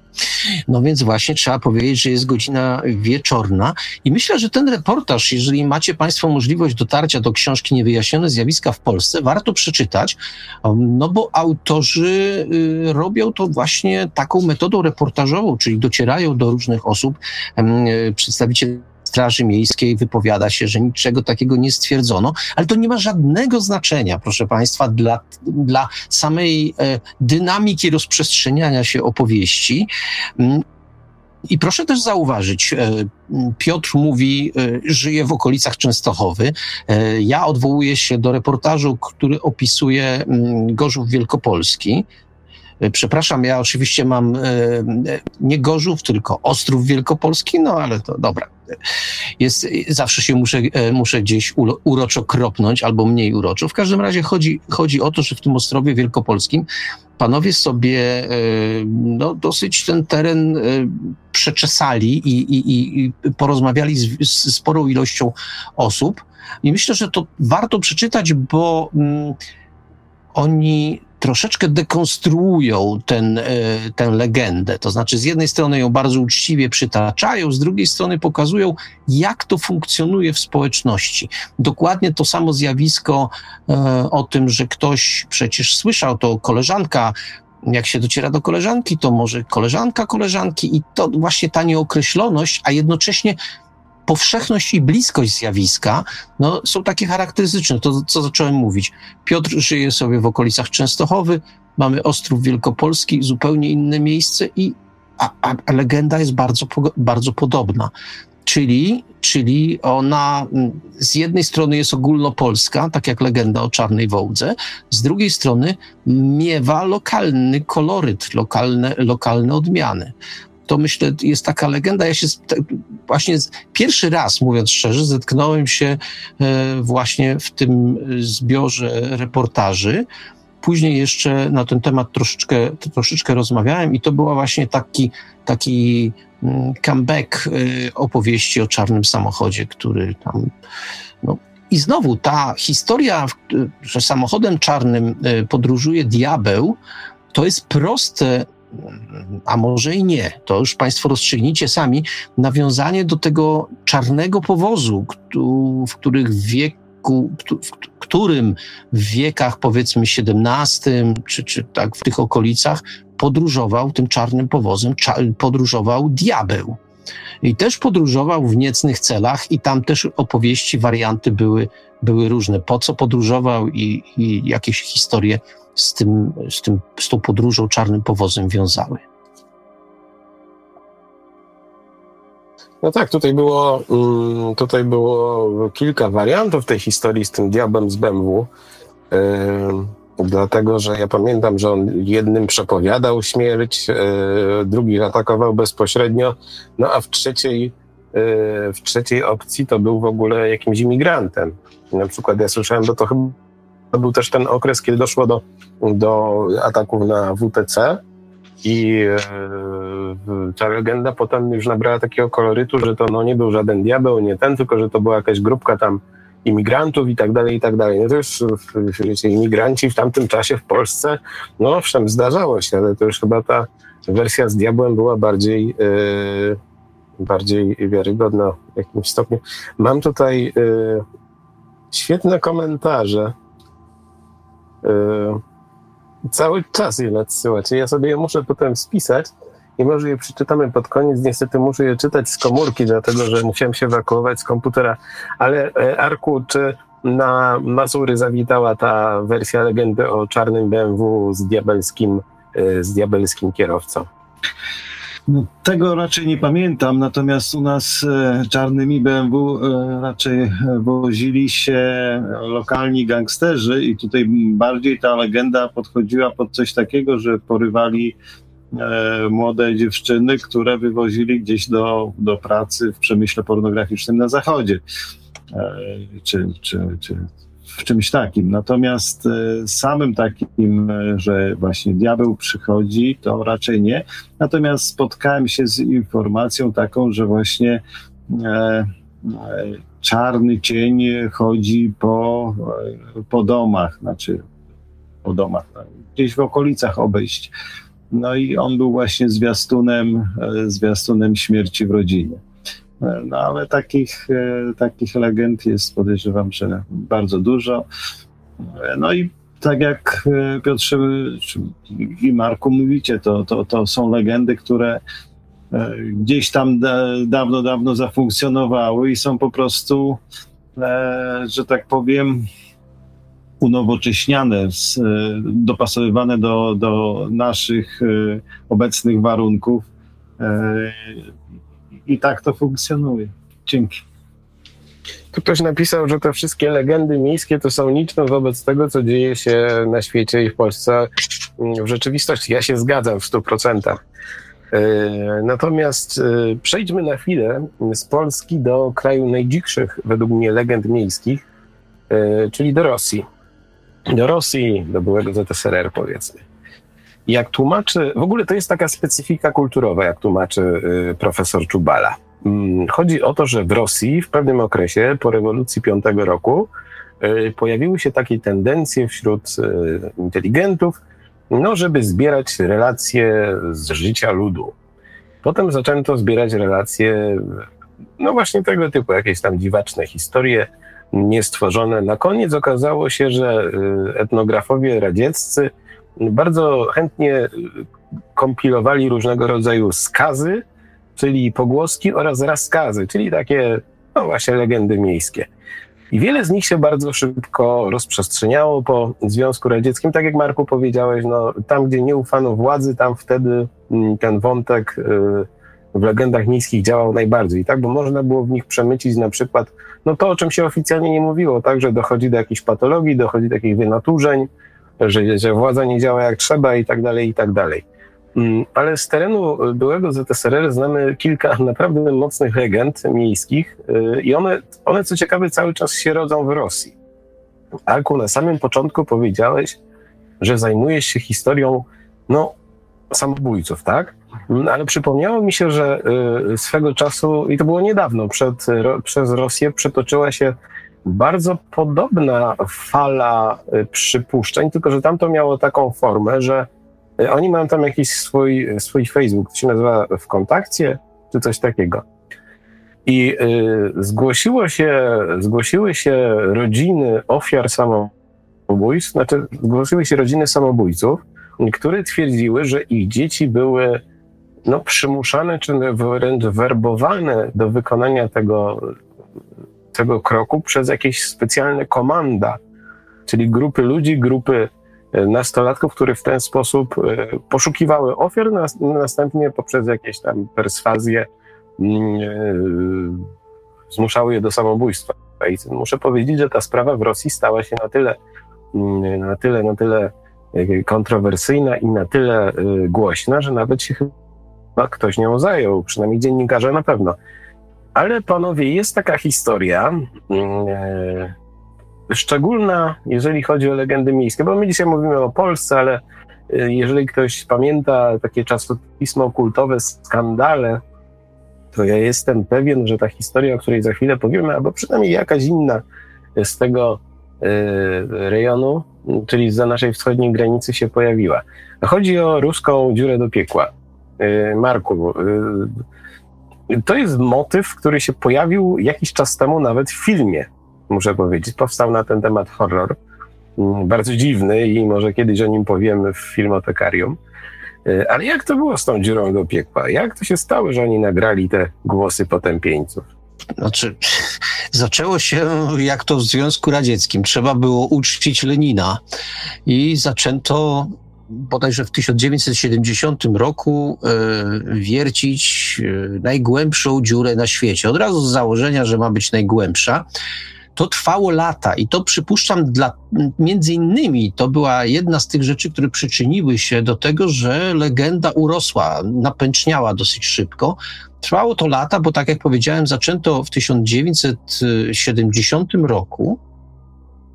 E, po dziewięciu latach bodajże dotar, dotarli do coś około 10 kilometrów. W rezultacie y, w 94 roku, bo nic nie szło dobrze, tam no, już wiercenie na takich głębokościach to łatwo nie jest i tam się pojawiały liczne problemy, jakieś wzrosty temperatury i tak dalej, i tak dalej, rzeczy, których nie przewidzieli. Nie przewidzieli. No i w 94 roku na ponad 12 kilometrach zakończyli. I to jest oficjalna wersja, oficjalna wersja mm, tej historii z kopaniem najgłębszej dziury na świecie, czy kopaniem, czy wierceniem może bardziej. I, i, i nic by tu dziwnego nie było, tylko że w pewnym momencie e, no, czytamy coś takiego. E, wypowiada się jeden z naukowców. Jako komunista nie wierzę w niebo czy w Pismo Święte, ale jako naukowiec wierzę od teraz w piekło. E, tu jest oczywiście zacytowany człowiek w randze doktora, który usłyszał, że jak oni już tam się po, po przekroczyli te 12 kilometrów, metrów, to usłyszeli e, jęki potępionych i tu znowu mam takie, takie zeznanie na podorędziu. Świder zaczął się nagle obracać w nieoczekiwany sposób, wskazując na to, że dotarliśmy do jakiejś pustej przestrzeni lub pieczary. Czujniki temperatury wskazywały ogromny wzrost temperatury do 2000 stopni Fahrenheita. Ja nie wiem, czy w Rosji się mierzy tymi Fahrenheitami, no ale niech będzie. E, czyli 1093 stopnie Celsjusza. Kontynuował swoją emocjonalną opowieść na łamach fińskiej gazety. To był doktor Azakow, naukowiec e, Właśnie. Przynajmniej niektóre źródła podają, że rzekomo naukowiec z, ekipu, e, z ekipy projektu tego SG3 notabene SG, no to prawie Stargate już, no, no ale zbieżność przypadkowa. I oczywiście do, doczytujemy się historii, jak to opuścili ten mikrofon. No wyobraźcie sobie Państwo, ten mikrofon opuszczają na 12 kilometrów. Ile tego kabla? No sporo. W każdym razie opuścili ten mikrofon yy, yy, i usłyszeli właśnie te. To nie był krzyk jednego człowieka, to były krzyki milionów ludzi. No i tak coś tam pewno może jak opuścili, to usłyszeli, ale zrobiła się z tego mm, w dodatku, tu cudzysłów, ale bogato udokumentowana historia, legenda o tym, jak to komuniści dowiercili się, dowiercili się do piekła. To tak w skrócie mniej więcej wyglądało, ale no właśnie, dzisiaj, no, ponieważ Rosja to podobno jest stan umysłu, a nie, a nie, nie kraina geograficzna, to dzisiaj znowu trudno dojść, co jest w tej opowieści prawdą, co jest prawdą cząstkową, a co jest po prostu wyssane z palucha.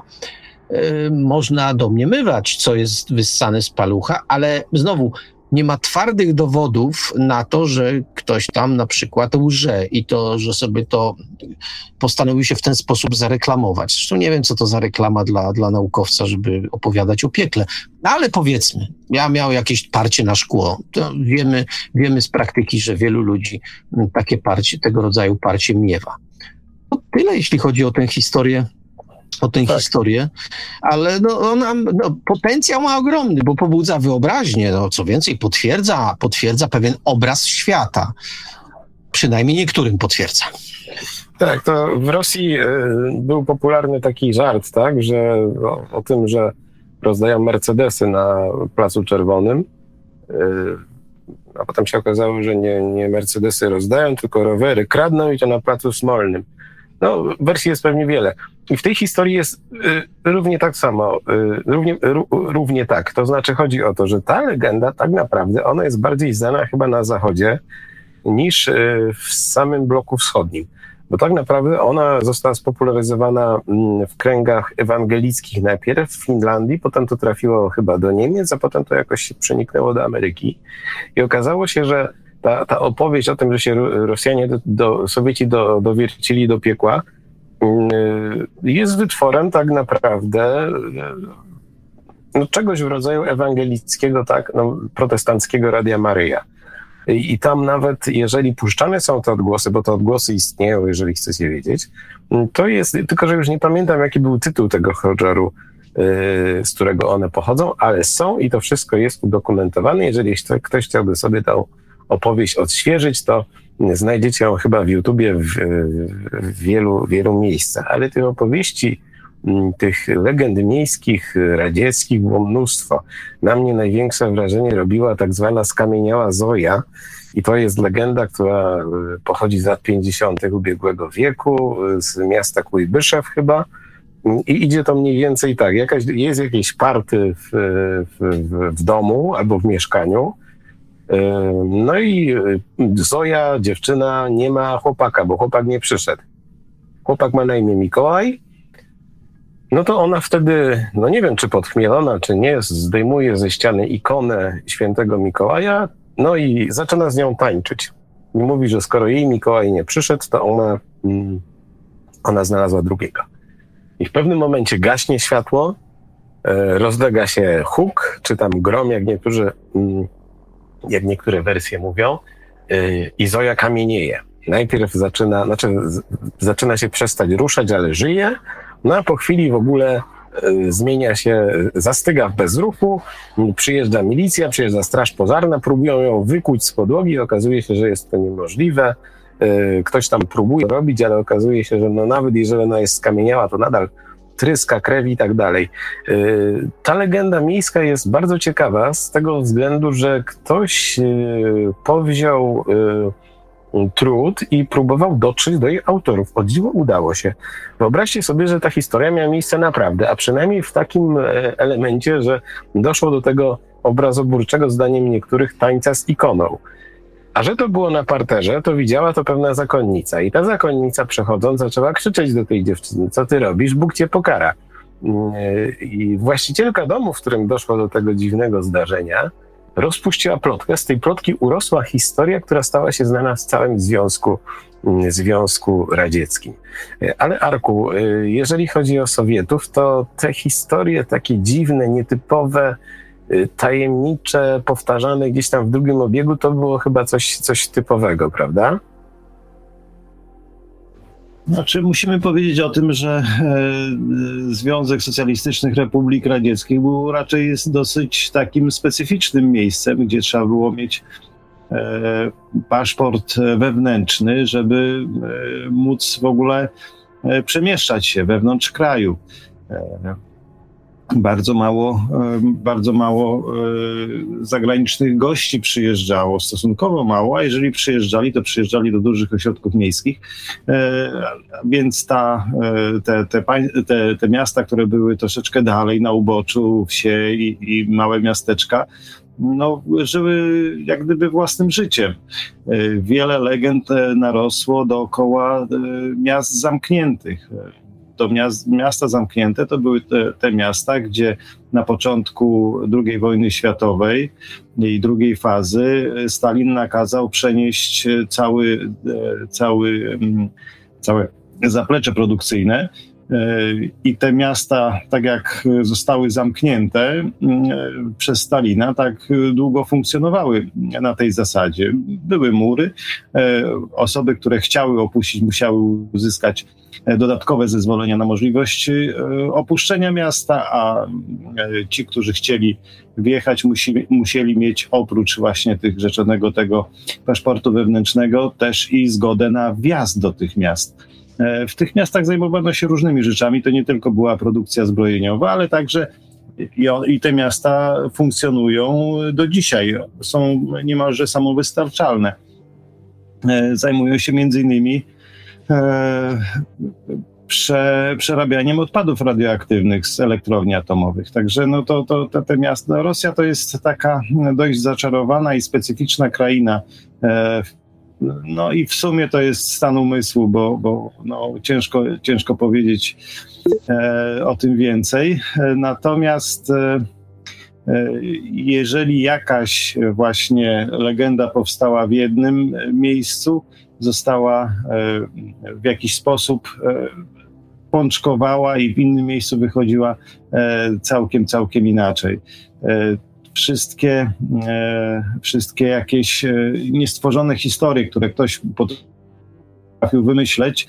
E, często wymyślała, wymyślała to również e, ichniejsza służba bezpieczeństwa, e, wykorzystując to do walki z Kościołem, który w jakiś sposób przekazywał inne wartości niż, niż te, które głosiła partia komunistyczna.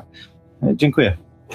Taką chyba najdziwniejszą, zresztą Marku oddam głos, teorią spiskową, która się pojawiła już po upadku Związku Radzieckiego, to było to, że, że Lenin był grzybem. I to sobie możecie przeczytać w internecie, bo to jest już taki głęboko kulturowy, y, pole do głęboko kulturowych badań.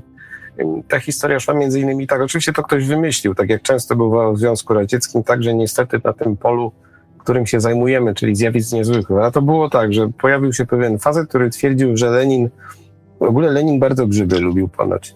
I chodził po tych grzybach i chodził, także nadjeżdża Krupska mówiła, że on chodzi po tych grzybach jak szalony.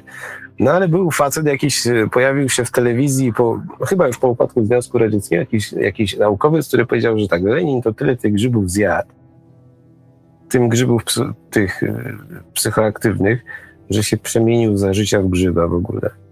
I wiele ludzi w to uwierzyło i pewnie wiele... I co ciekawe, musicie wiedzieć, że ta legenda miała swój, swoją odnogę i do dzisiaj możecie przeczytać na przykład, że e, ten Lenin, który leży w mauzoleum, to też jest grzyb, tak naprawdę. To już nie jest, no to w sumie trudno powiedzieć co, bo nie jest to ciało na pewno. Ale te legendy radzieckie, naprawdę, jeżeli byście się chcieli zapoznać z nimi, to warto, warto. Co mi jeszcze przychodzi do głowy z takich bardzo znanych, chyba czarny alpinista, czyli taka współczesna legenda, która mówi, że jeżeli spotka się w górach e, czarną, znaczy postać z twarzą owiązaną czarną jakąś tam szmatą, to jest znak, znak nieuchronnej śmierci. Ale tych legend radziecko-rosyjskich jest naprawdę mnóstwo. Marku? A ja chciałem jeszcze dodać do tej do historii tego odwiertu, bo e, jakby przyrastanie te, tej legendy e, jest dosyć charakterystyczne. Otóż e, powiedziałeś o tej stacji chrześcijańskiej, protestanckiej, TBN się nazywała, e, norweska bodajże, tak? I, i, i, no ale niektórym było mało tej historii o tym, od tego nagrania i w ogóle tych jęków. I postanowili, postanowili y, jak podkręcić tę historię i zgłosili się do stacji, która podała informację, tej TBN, z informacją, że w tam w ogóle to w tym miejscu, gdzie, gdzie te odwierty są, to, to bardzo dziwne zjawiska się działy, a w dodatku widziano tam nawet samego diabła, który miał skrzydła nietoperza i unosił się e, w takim fluorescencyjnym świetle, które wydobywało się z tego otworu SG3. E, I Proszę Państwa, rzecz charakterystyczna. Y, y, oni oczywiście podali się, że są przedstawicielami, e, już nie pamiętam, chyba rządu, rządu norweskiego, tak, którzy, tak, którzy tak przemycają te informacje półgębkiem, e, tak tylko po troszeczku, ale no, żeby w to jednak wierzyć, a kto wie, może nawet nie chcą wkopać jakichś e, informatorów z Rosji. I nie zmieniło tego. Znaczy, ta informacja poszła, ludzie się o niej dowiedzieli, ale to nic nie zmieniło to, że później ci żartownisie przyznali się do tego, że wyssali całą historię z palca. Mówię już o tym diable i o tych skrzydłach nietoperza. To nic nie zmieniło. Ona, ta histor te historie legend, legend miejskich, one żyją własnym życiem i można wtedy naprawdę za, za, za, zaprzeczać bardzo długo, to nic nie zmienia. I to też jest taka, dlatego się tak rwałem, żeby to dopowiedzieć, ponieważ to jest też rzecz charakterystyczna że nawet jak wyjdzie ktoś i powie, że wszystko wymyślił, to na pewno kłamie, y, na pewno go zmusili, przekupili y, i tak dalej, i tak dalej. Ale wiadomo, jaka jest prawda. Wiadomo, wszyscy mrugają do siebie okiem i wiedzą, że Rosjanie dowiercili się do piekła. No to tak, jeśli chodzi o tę historię akurat. Cały czas y, powiem Wam, że to jest chyba jedna z najbardziej dyskutowanych żywa audycji i to zarówno spośród debat ufologicznych, jak i tych naszych innych produkcji. I tu naprawdę, i, i słuchajcie, pojawiły się takie komentarze, dwa po, dwa, po, dwa po sobie. Pan Marcin pisze tak.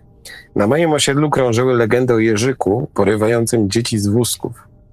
Jerzyk to był niepełnosprawny umysłowo pan, który nigdy nikomu nie robił krzywdy. Pamiętam, że jako dziecko się go bałem. Pan Piotr pisze z kolei tak. Y, po Białym Stoku autobusami jeździł Andrzejek Alba. Był legendą. Spotkałem kiedyś tego celebrytę, w autobusie numer dwa przestraszyłem się. Starszy pan z zespołem Downa. Jeżeli chodzi o Białystok, to tam chyba teraz są jakieś nowe, znaczy no nie na pewno, nie, nie, nie chyba, tylko na pewno są nowe ikony, jak Krzysztof Kononowicz, ale y, te dwa komentarze y, natknęły mnie do, y, do takiego wniosku, że legenda miejska w tej wersji wielkiej, tej przekraczającej granice straszy, ale w tej, tej wersji lokalnej to straszy jeszcze bardziej. I tutaj y, były wspomnienia o Jerzyku i Andrzejku, ale chyba taką najbardziej znaną, przynajmniej najbardziej rozpropagowaną postacią, która stała się obiektem legend miejskich, był Czarny Roman. Do tego stopnia, że y, zdarzały się opracowania, w których czarny roman prezentowany jest jako postać w ogóle fikcyjna. Y, w ogóle fikcyjna, nieistniejąca, y, efemeryczna, jakieś widmo, duch i tak dalej. Mm, w rzeczywistości jest to jedna ze współczesnych legend Warszawy, ba, legenda nawet sfilmowana. Dzisiaj rozmawiałem z Sebastianem Woszczykiem, którego pozdrawiamy który miał y, okazję z Czarnym Romanem nawet rozmawiać. Jeżeli ktoś nie wie, kim był Czarny Roman, to może tak. Y, może nie on był legendą jako taką, ale prawda stojąca za, znaczy prawda o nim, tak? Czyli historia jego, ta cała tajemnicza otoczka wokół tej staci. Bo to był pewien człowiek, który nazywał się świadomością nieśmiertelności narodu.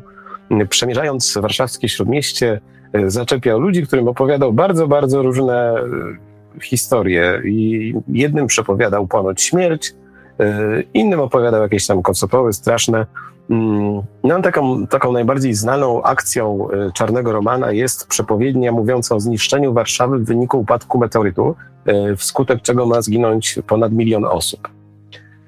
Yy, Marku, pamiętasz, mieliśmy, nie pamiętam tylko z jakiej okazji, ale opowiadaliśmy już kiedyś o czymś takim, o takim lokalnym czarnym romanie. Wtedy ja opowiadałem, że mnie zaczepił na przystanku na, na dworcu w Częstochowie i powiedział proroctwo apokalipsa, ty potem dodałeś historię o, o podobnym, podobnym osobniku Tak, tak, to, to do dzisiaj pamiętam. Ja wtedy byłem naprawdę napakowany, napakowany wiedzą, bo świeżo po studiach i te wszystkie rzeczy, kulty solarne, te takie tam tajemnice wszelkie. A tu był facet, który, no, przepraszam za tę złośliwość, ale wyglądał jakby właśnie przed chwilą wypełzł, był ze śmietnika i to tak po dłuższym pobycie. E, jechał autobusem, wszyscy się od niego odsuwali. Pamiętam jeszcze to Berliet był, to taki stary, naprawdę to musiał być początek lat 90. E, I tym Berlietem sobie podróżował, wszyscy się odsuwali. Wtedy w ogóle bezdomnych nie było aż tak dużo jak w tej chwili, więc to też był taki, taki dziwny człowiek z, z brodą, długachną, brudną. No wyglądał jak półtora nieszczęścia, ale to, co ten facet mówił, no to ja miałem wrażenie, że y, ten facet jest jakimś wykładowcą i to takim lepszym, y, bo opowiadał właśnie o kultach solarnych i opowiadał o takich szczegółach, że po prostu ja nie mogłem uwierzyć, że to słyszę. No to jest taka moja prywatna legenda miejska, z tym, że ja wiem, ja to w pierwszej, w pierwszej osobie to widziałem i, i mogę to oczywiście teraz opowiadać. Czy to jest materiał na legendę miejską? Wątpię, ale taka moja prywatna, niesamowita. Znaczy, ja miałem wrażenie obcowania, no nie wiem, z kimś, z kimś, kto naprawdę ogarnia pewne tematy znacznie lepiej niż ja ogarniałem wtedy, kto wie, czy, czy, czy, czy nawet dzisiaj je ogarniam w takim stopniu.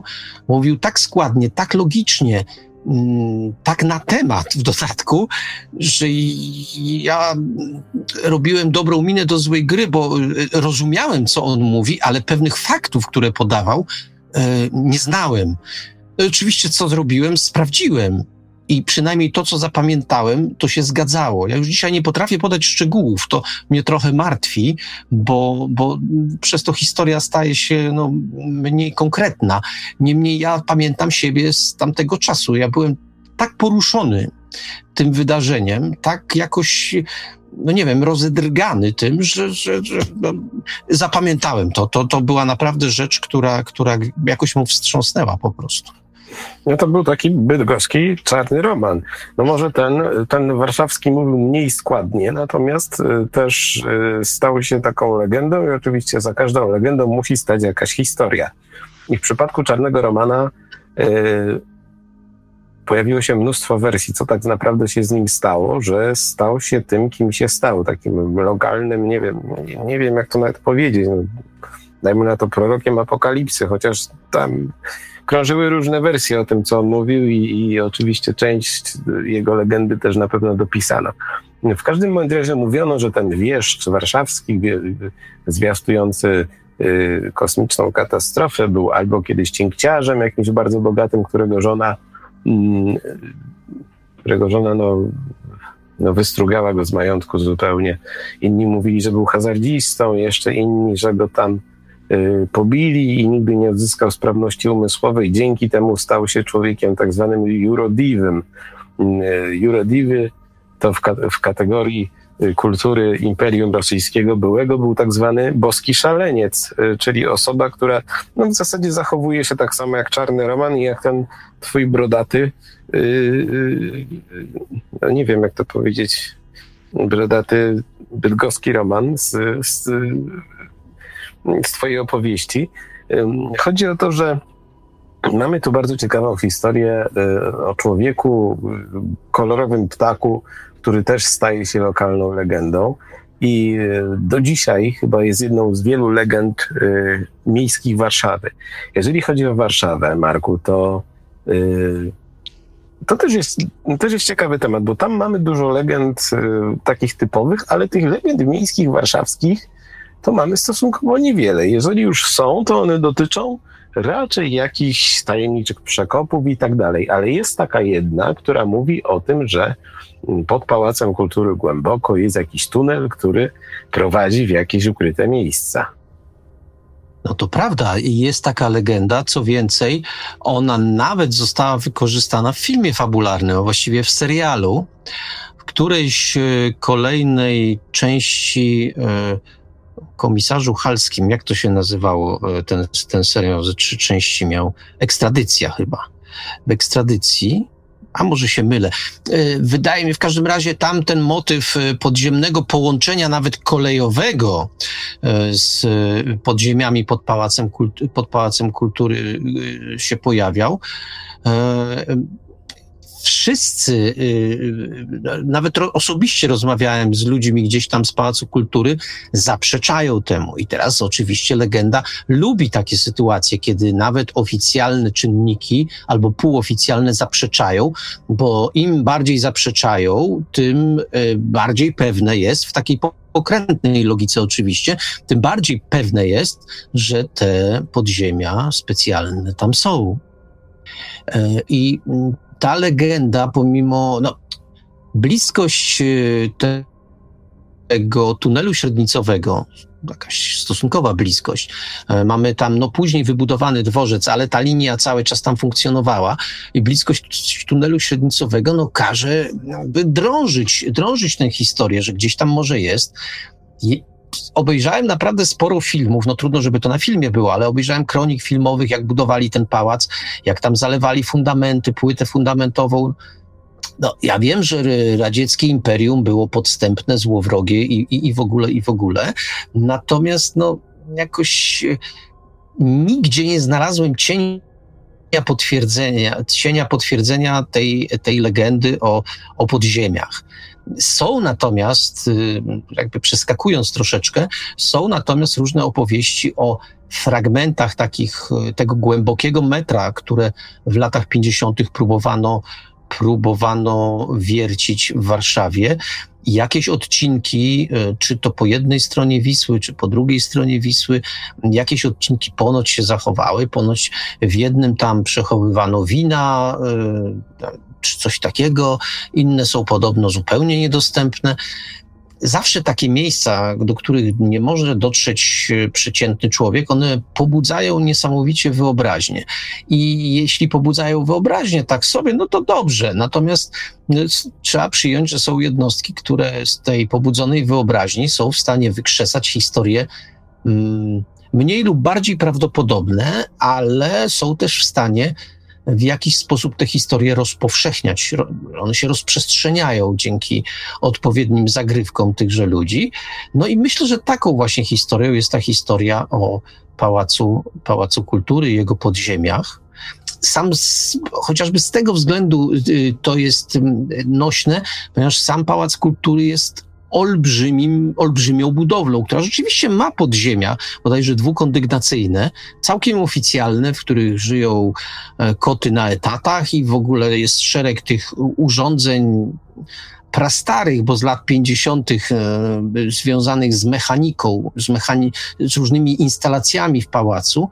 E, kultury, ale no zdaje się tych tajnych podziemi, które tam są tunelami łączącymi z różnymi, nie wiem, z KC na przykład, albo z innymi tajnymi miejscami, zdaje się, że jednak nie ma. Może szkoda, bo w sumie taka historia byłaby, byłaby niezła.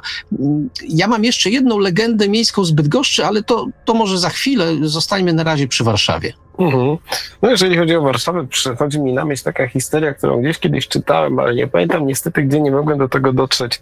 To była bardziej legenda już taka typowa, że e, krążyła po stolicy jakaś osoba, jakiś fantom, no i można tego fantoma było spotkać w różnych e, okresach historycznych i kiedy on mówił, że lato będzie gorące, to zawsze wybuchała, a to wojna, to zaraza i tak dalej, i tak dalej. Niestety, powiem wam, że nie trafiłem na na oryginał tej legendy. O czym tutaj mówiliśmy? O, o, Warszawie. No tak, ciekawa sprawa. Powiem ci, że przyszło mi do głowy taka historia, którą opowiadał mój wujek, y, który po wojnie gdzieś tam, nie pamiętam już co on robił tak do końca, no w każdym razie był młodym chłopakiem wtedy. Tutaj jedną z kluczowych takich legend, legend miejsko-konwencjonalnych w moim rejonie, jest legenda mówiąca o e, ukrytych tunelach. I te ukryte tunele mają prowadzić z zamku w Olsztynie aż po Jasną Górę. No to jest kilkanaście kilometrów, oczywiście w realu, w realu to jest niemożliwe absolutnie. Natomiast mój wujek twierdził, mm, bo on gdzieś tam po wojnie pracował przy drążeniu po prostu kolejowego tunelu, mm, w okolicach tak zwanej Zielonej Góry. Zielona Góra to nie jest miasto, tylko to jest taka góra w pobliżu Częstochowy, bardzo blisko góry Osona, tej słynnej ufologicznej. I on twierdził, że tam gdzieś pracując ciężkim, ciężkim sprzętem, oni, yy, oni odkryli, że jest dziura, po prostu jest tunel. I oni, to, to, ciężki sprzęt się zapadał, nie byli w stanie nic z tym zrobić. No i on wierzył święcie w to, że to jest właśnie element tego, mm, tego tunelu. O dziwo, wyobraźcie sobie parę lat temu, no może ze dwa, może z rok, yy, pracujący na Zamku Olsztyńskim archeolodzy odkryli sieć tuneli pod, pod zamkiem, tylko że to były tuneliki, to były drobne jaskinie, które być może dały jakiś asumpt do tej legendy. Także jeżeli, jeżeli analizujecie sobie te wszystkie historie swoje lokalne yy, z tych małych ojczyzn, fajne są to historie. Warto je, warto je gdzieś utrwalić warto je zapamiętać, warto je przekazać. Ale Arku, myśmy tutaj pod wpływem naszych komentarzy, które wspominały a to o Jerzyku, a to o panu, który się nazywał szeryf, wspomnieli o czarnym romanie. Mm, czy to czasami nie jest tak, że takie jednostki wybitne, nietuzinkowe, ekstrawaganckie, wybijające się ponad tą społeczność lokalną, y, jakoś przyczyniają się do rodzenia tych legend miejskich? Być może, że tak. No, jeżeli wspomnimy sobie, znaczy, generalnie to jest taka, e, taki sposób e, za, z, zabrany troszeczkę z, z, z powieści Znachor i profi, profesor Wilczur. Jeżeli popatrzycie, tam też jest e, postać, która na, kiedyś zasłużona, z jakichś tam względów e, traci pamięć i, i, i odradza się i, ta, i, tak dalej, i tak dalej. Wszyscy to chyba znamy. E, I podejrzewam, że Dołęga Mostowicz również e, skorzystał właśnie z tego typu e, legendy, legendy miejskiej o kimś tam. E, I, I to napisał, i to tak się, ten, ten, ten taki E, taka postać gdzieś tam zawsze wędruje. E, jest jakiś tam właśnie postać, która, e, która kiedyś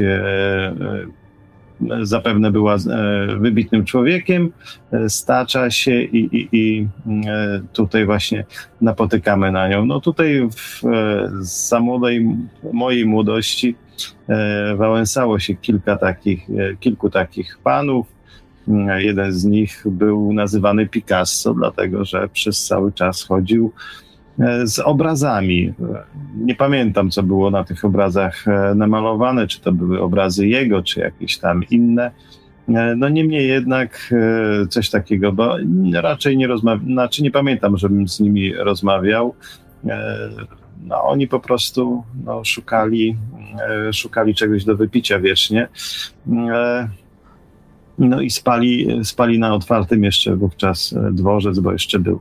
Natomiast jeżeli chodzi o podziemia tutaj w e, północno-wschodniej Polsce, e, wszystkie budowle małych kościołów i, i, i jakichś tam małych zamków, siedzib były budowane przez krzyżaków, a byli to mistrzowie właśnie budownictwie i pod wieloma tymi budowlami są naprawdę ciągnące się e, kilkaset metrów e, e, chodniki, jakieś właśnie tunele.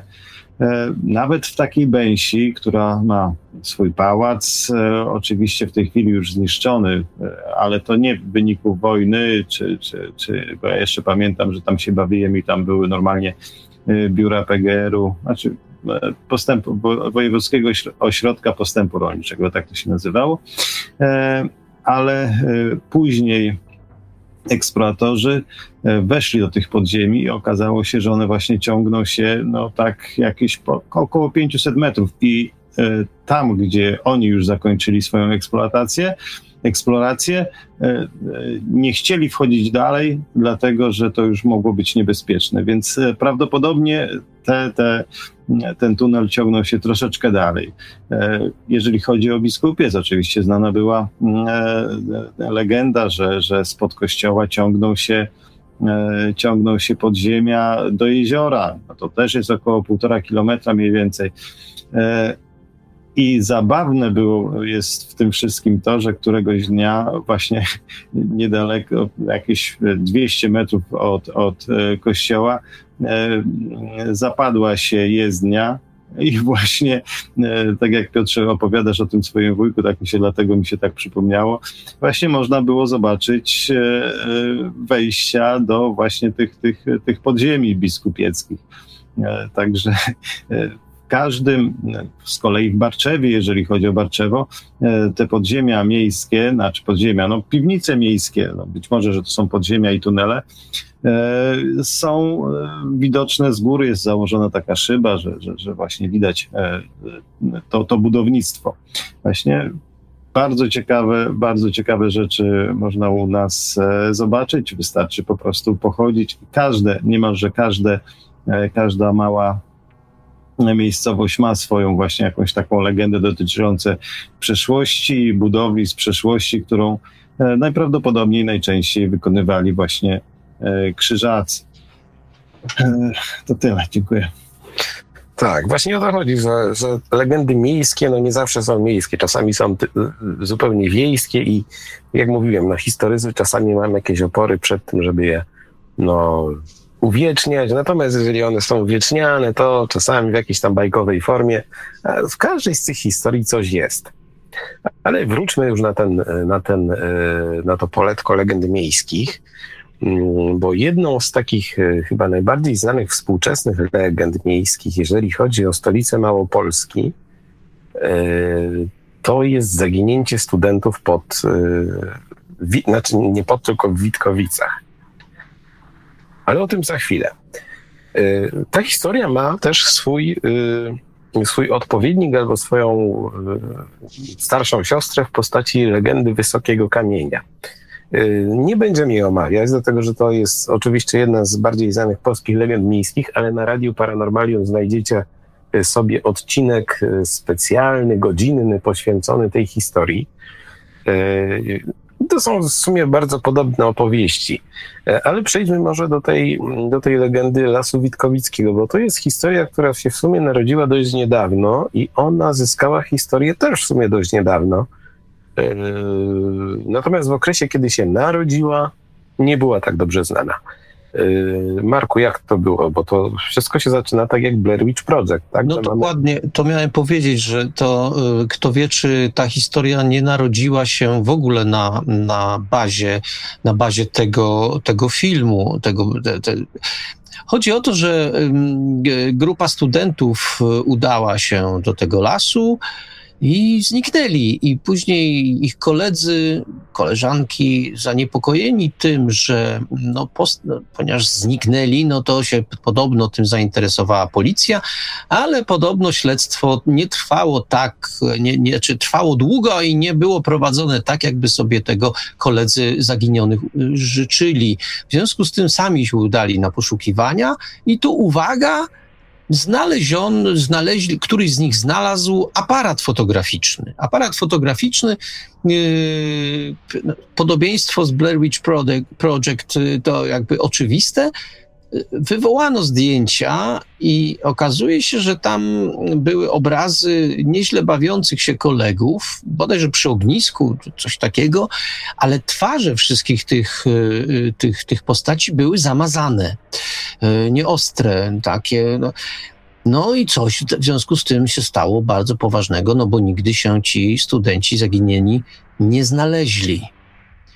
No, moim zdaniem te podobieństwa, te, te, te takie, takie, takie, takie no, proste, proste przeniesienia z filmu, o którym y, mówił Piotr, o którym y, wspominałem, no są chyba zbyt oczywiste. Poza tym, z tego co czytałem, jakoś, y, no co prawda, zginęli, zaginęli studenci, ale jakoś policja tego nie potwierdza, że jacyś studenci zaginęli. W każdym no tak. razie nic, nic nie słyszałem na ten temat, żeby, żeby potwierdzała. W związku z tym historia brzmi nieźle, bardzo smacznie, jeśli chodzi o, jeśli chodzi o takie opowieści. Niemniej słabo tam z faktami. Chyba jeszcze słabiej niż w sprawie tego, tego kamienia, tak, tego kamienia, o którym, o którym wspomniałeś. Tak, zupełnym przypadkiem w odcinku Filmotekarium umieszczonym w bibliotekarium z ubiegłego piątku. Nie pamiętam, który, nie, to był chyba szósty, tak? Szósty, tak, tak, tak. 6 tak. stycznia, tak. Tam żeśmy omawiali dość głęboko mm, film Blair Witch Project, y, jedynkę i trójkę. Jeżeli ktoś reżyserował tą trójkę i nas teraz słucha, oczywiście, że nas nie słucha, to powinien y, zapłacić spore pieniądze dla wynalazców historii o Lesie Witkowickim. Y, bo ta historia gdzieś rzekomo rozegrywała się, ta Witkowicka w roku 2001, czyli studenci opijając początek roku akademickiego mieli się udać do lasu, na odchodne mieli być przestrzeżeni przez mieszkańca tych okolic, że nie powinni tam wchodzić, niestety weszli, no i potem dziwna sprawa, zaginęli. Ale Arku, trzeba powiedzieć, że ta historia swego czasu żyła własnym życiem. To znaczy się, o niej można było w internecie przeczytać na różnego rodzaju stronach. Ją można było znaleźć tu i tam i ona urosła do rangi naprawdę, naprawdę grubej zagadki. E, tak, dokładnie. O ile kiedyś e, legendy e, roznosili jacyś bardowie, roznosili kupcy, przyjeżdżając z miasta do miasta, ludzie, którzy się kontaktowali w sposób handlowy, tak w tej chwili mamy całkiem, no troszeczkę później było to przez media, głównie gazety, telewizja raczej, raczej mało o tym, o tym mówiła, o tego typu legendach. O tyle w tej chwili takim nadrze, na, naczelnym e, propagatorem tego typu e, his, wszystkich historii jest internet. E, no i e, tak to się robi. Mamy w tej chwili do czynienia też i na Facebooku e, z, taką, z takim łańcuszkiem, gdzie bardzo często pokazują się osoby, które, e, które rzekomo są zaginione i poszukuje ich policja, proszę przekaż dalej i tak dalej, i tak dalej.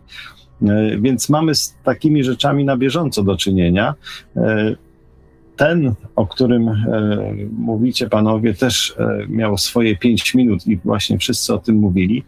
E, u nas jest to w tej chwili takim nośnikiem jest Facebook głównie. W Rosji to będzie, przypomniałem sobie, V-Kontakte. Tak to się tam nazywa, więc tego jest bardzo dużo i to przez cały czas się z tym można spotkać. E, no tu ostatnio właśnie żona mi mówiła, że, że coś takiego, że trzeba to jakoś rozgłosić, że ktoś tam, ja mówię, no e, wiesz, są kanały takie ogólne typu policja i tak dalej i oni się tym zajmują. Jeżeli nie ma e, z tej strony jakiejś właśnie odezwy do, w sprawie pomocy żeby odnaleźć osobę zaginioną, to w zasadzie no, między bajki je należy włożyć. Dziękuję.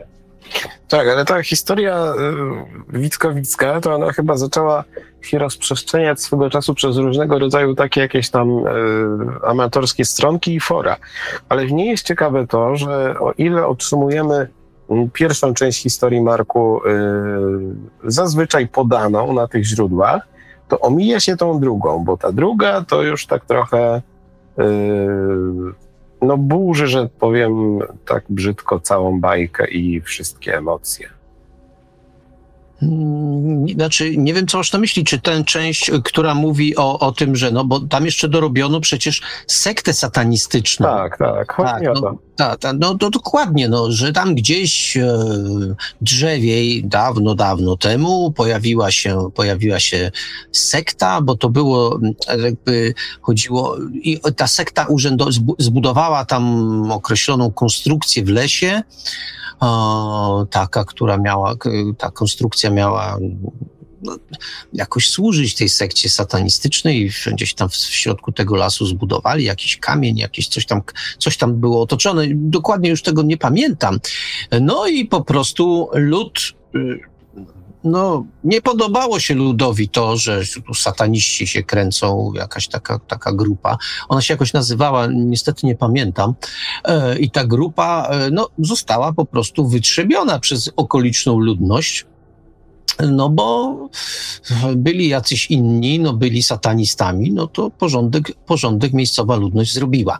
Y, to, dobud- to zostało dobudowane, do, do, dobudowane, doklejone do tej historii, no i ona z jednej strony zyskała jakby takie umocowanie wręcz historyczne po części. To, to, to, myślę, że, to, myślę, że warto, warto o tym powiedzieć.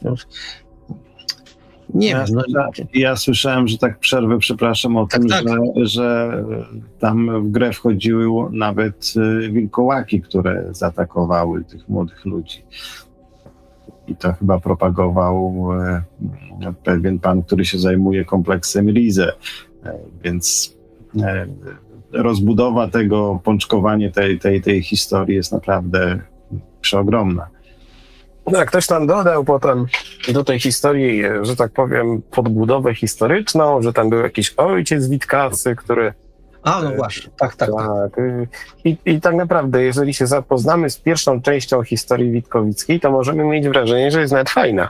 Ale im dalej, im głębiej, to naprawdę większe no, większe rozczarowanie. I to taka legenda miejska polska, która jest warta uwagi z tej perspektywy kulturowej, przede wszystkim z perspektywy y, folkloru internetowego, bo tutaj jeden pan nam napisał na forum, na, czacie, że legenda ta narodziła się na pewnym forum w ramach snucia opowieści niezwykłych, no a potem, że była dość nośna, to już jakoś się tam yy, jakoś się tam przeobrażała i ewoluowała, ale przecież ja poszukując materiału do dzisiejszej audycji, natrafiłem na y, artykuł chyba z Gazety Krakowskiej, gdzie jakaś grupa poszukiwaczy tajemnic, wiecie, tych poszukiwaczy duchów i tych innych dziwności, pojechała do Lasu Witkowickiego szukać tych, tych śladów y, zaginionych studentów. Także y, mnie się wydaje, że to minie dużo czasu, zanim y, ludzie sobie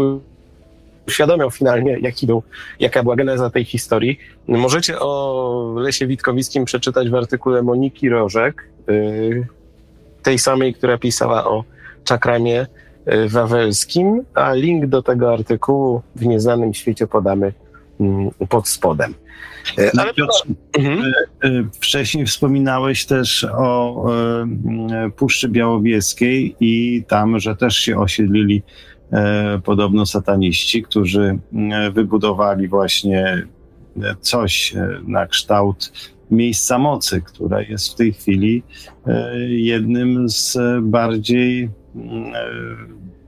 mocnym, mocnych miejsc mocy, nawet mocniejszym niż, niż Święta Góra Grabarka czy, czy, czy Częstochowa. Także no tutaj w ogóle, e, jeżeli chodzi o mm, Puszczę Białowieską, bardzo dużo rzeczy się okazało po, po, po badaniach liradarem.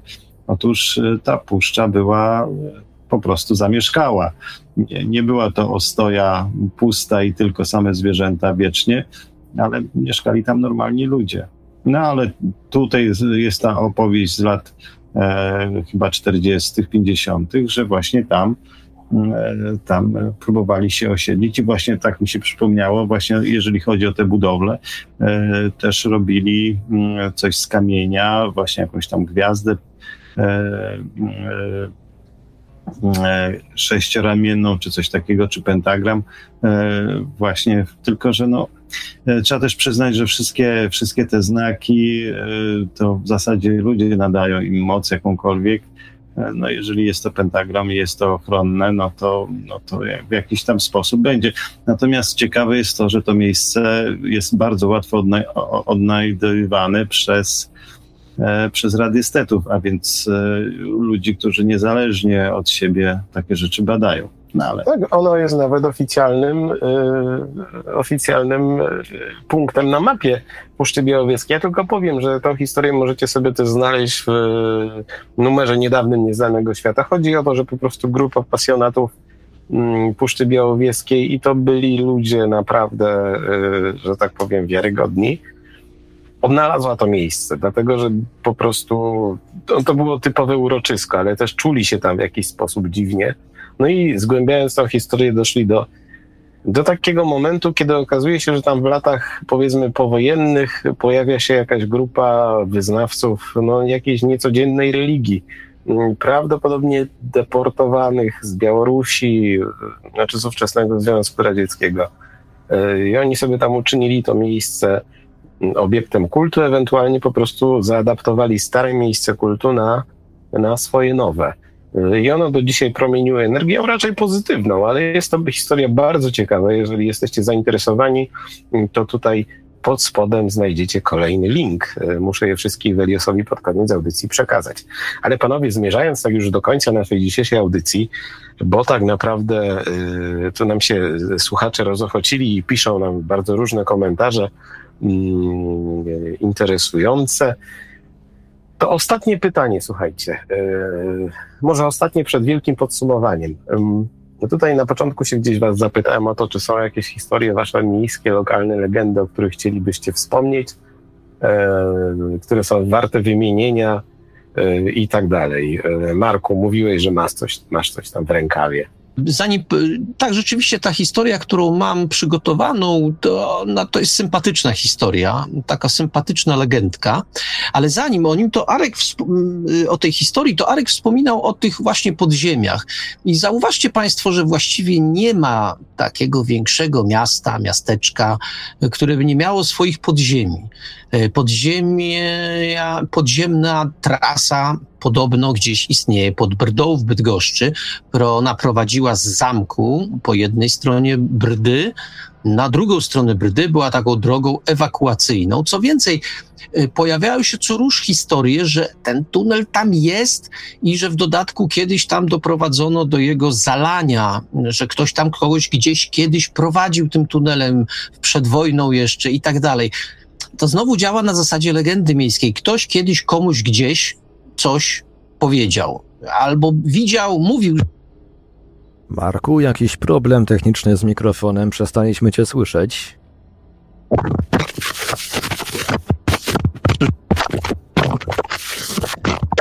To chyba ten fosfor atakuje, co tam przed nim ostrzegali. Marku, słyszymy się? Yy, to może poczekajmy chwilę, jak się ta historia rozwiąże.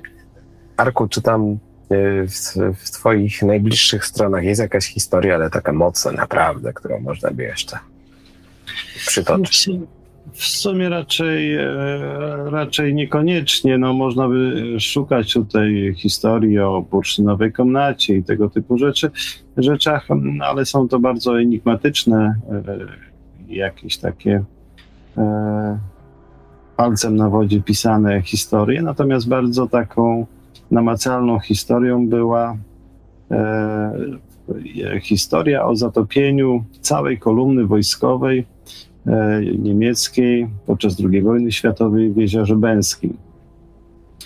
E, I znalazli, znaleźli się e, nurkowie, w, e, nie pamiętam w którym dokładnie to było roku, ale e, potrzebowali po prostu wydobyć czołg na potrzeby filmu żeby go po prostu wykorzystać. E, no i faktycznie wyciągnięto z jeziora e, część, e, część tej, tej, tej kolumny przy dużym współudziale właśnie miejscowego, miejscowych, miejscowego gospodarstwa rolnego. I to się okazało. Po wyciągnięciu całkiem fajnej limuzyny marki Mercedes, E, pojawili się panowie z SB, którzy ten samochód dość szybko zarekwirowali. No a już nurkowie nie chcieli więcej wydobywać rzeczy, które, które tam w dalszym ciągu prawdopodobnie są, z tego względu, że no, takie, takie fajne trofeum im po prostu przeszło koło nosa. E, całość jest opisana w książce e, Skarby wydobyte z jeziora, jak gdzieś tutaj ją nawet mam ale no nie pamiętam niestety autora. Może, może kiedyś przy okazji o niej jeszcze wspomnę. Są to bardzo ciekawe rzeczy z naszego rejonu. Zresztą w ogóle Bęsia jako, jako miejsce była kiedyś bardzo znana jako uzdrowisko na, w Prusach Wschodnich. I mało też kto o tym wie. No właśnie miało między innymi wybudowane na środku jeziora, na wbitych palach dębowych, knajpę. Być może, że gdyby dokładniej to przebadać, by się okazało, że długość, znaczy jest to jakaś kontynuacja wcześniejszych budynków, które tam były. E, no niestety nie jestem nurkiem, nie mam możliwości tego, tego sprawdzenia. Dziękuję. Z tymi, z tymi czołgami w ogóle gdzieś zatopionymi w bagnach to jest bardzo ciekawy wątek, dlatego że jeżeli przeanalizujemy e, legendy z różnych miejsc Polski, to się okazuje, że w bardzo wielu są historie o tym, że a to tu jest czołg zatopiony, a to tu jest czołg zasypany, a potem się okazuje, że tak, może go tam nie ma, ale są szczątki. Był taki program na TVP Historia, tak, TVP Historia, y, jak on się nazywa? Hmm. Taki, co tam poszukują y, różnych, różnych y, pozostałości wojennych kronika zwiadowców historii. Tam wielokrotnie pokazywano właśnie, jak to wygląda mm, w rzeczywistości. Marku, czy się słyszymy? E, jeżeli mnie słychać, to się słyszymy. Słychać. E, e, skończyliśmy chyba na tym, że to jest dość przyjemna legenda.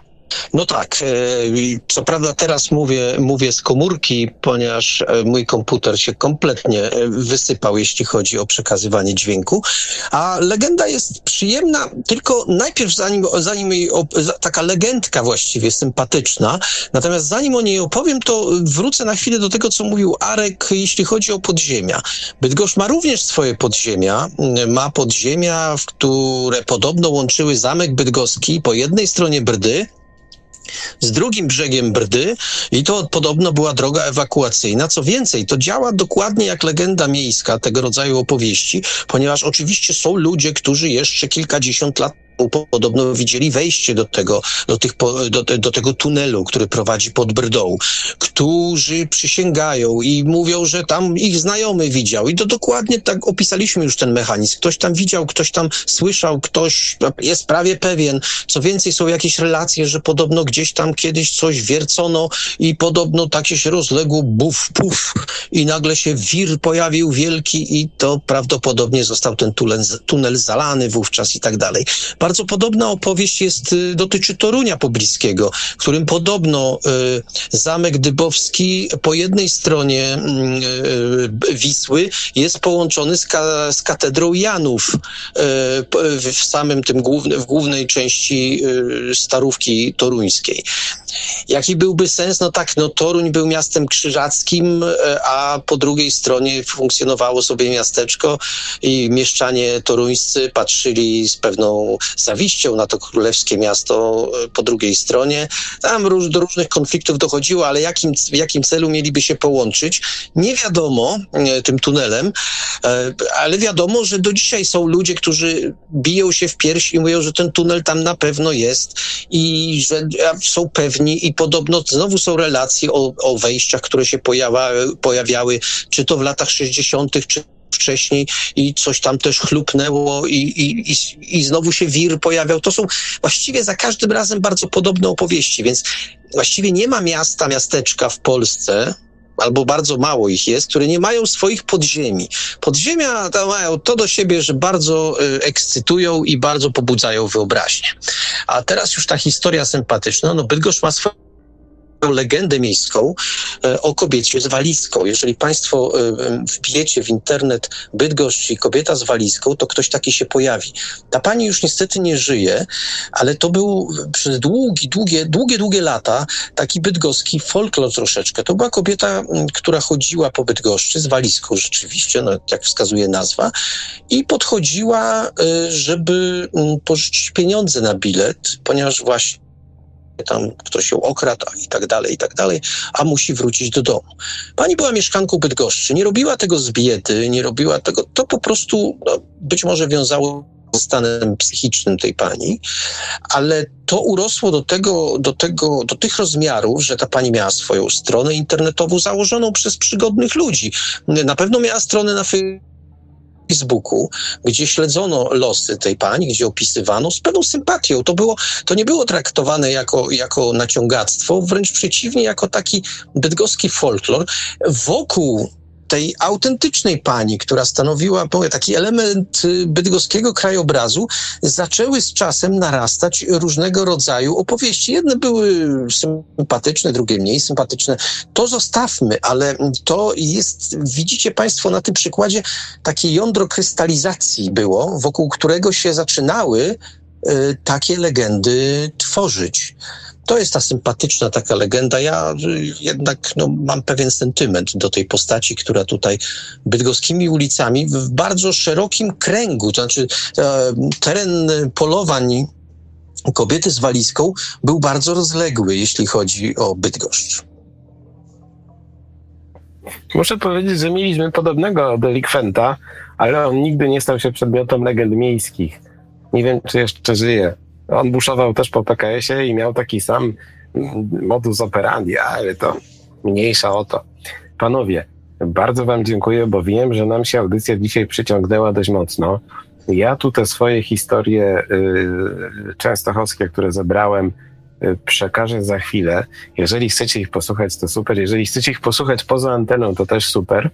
Mm, bo wiem, że, że planowaliśmy tak audycję do 22, jest, jest już 22.30, także yy, dziękuję Wam jeszcze raz i no i co, zapraszam za tydzień. E, my sobie zrobimy taką krótką, trzyminutową przerwę. Ja powrócę z y, tymi swoimi opowieściami. No i nie wiem, Iweliosie, czy może otworzymy linię na, na 15 minut potem, jak skończę i byśmy wtedy zakończyli o 23 już? Jak najbardziej możemy, y, możemy oczywiście linię telefoniczną otworzyć. Mhm. A ja w takim razie pięknie, pięknie wszystkim uczestnikom dziękuję, dziękuję słuchaczom i pożegnam się. Do usłyszenia.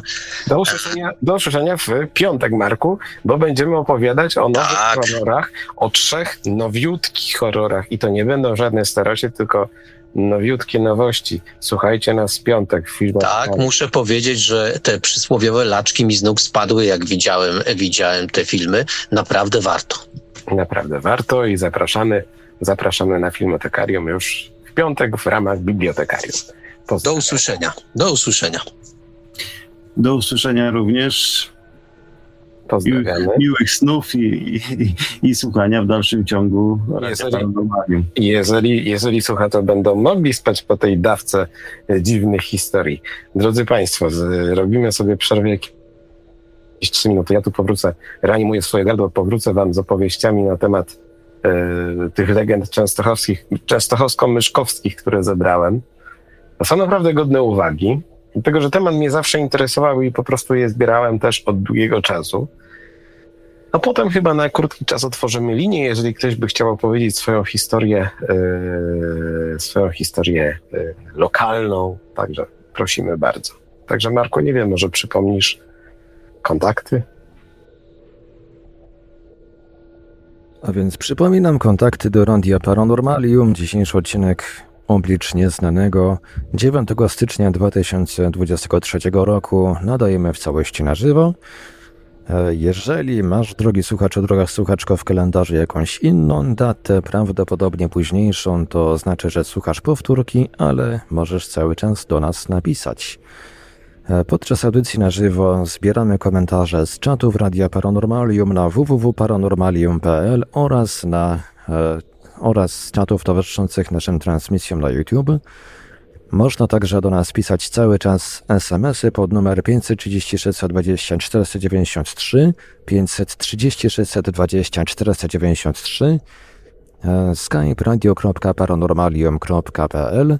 Podczas linii otwartej będzie można dzwonić na nasz numer stacjonarny 32 746 0008, 32 746 0008 bądź przez e, skype'a radio.paranormalium.pl.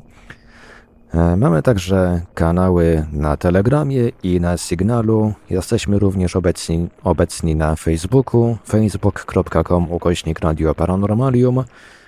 A jeżeli ktoś woli, to może także wysłać pytania, komentarze i różne inne wiadomości odnoszące się do naszej audycji na nasz adres e-mail radiomapa.paranormalium.pl Dodam jeszcze tylko, że e, jeżeli macie Państwo jakieś ciekawe relacje e, z, odnoszące się do obserwacji UFO i zjawisk kojarzonych z tym fenomenem, to zachęcamy do nadsyłania swoich zgłoszeń e, poprzez nasz serwis uforelacje.pl www.uforelacje.pl Tam mm, to jest taka baza założona przez Radio Paranormalium, baza e, relacji o spotkaniach z UFO i zjawiskami łączonymi z UFO właśnie.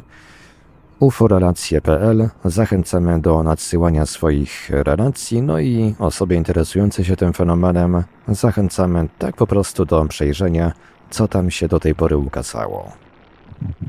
Dokładnie.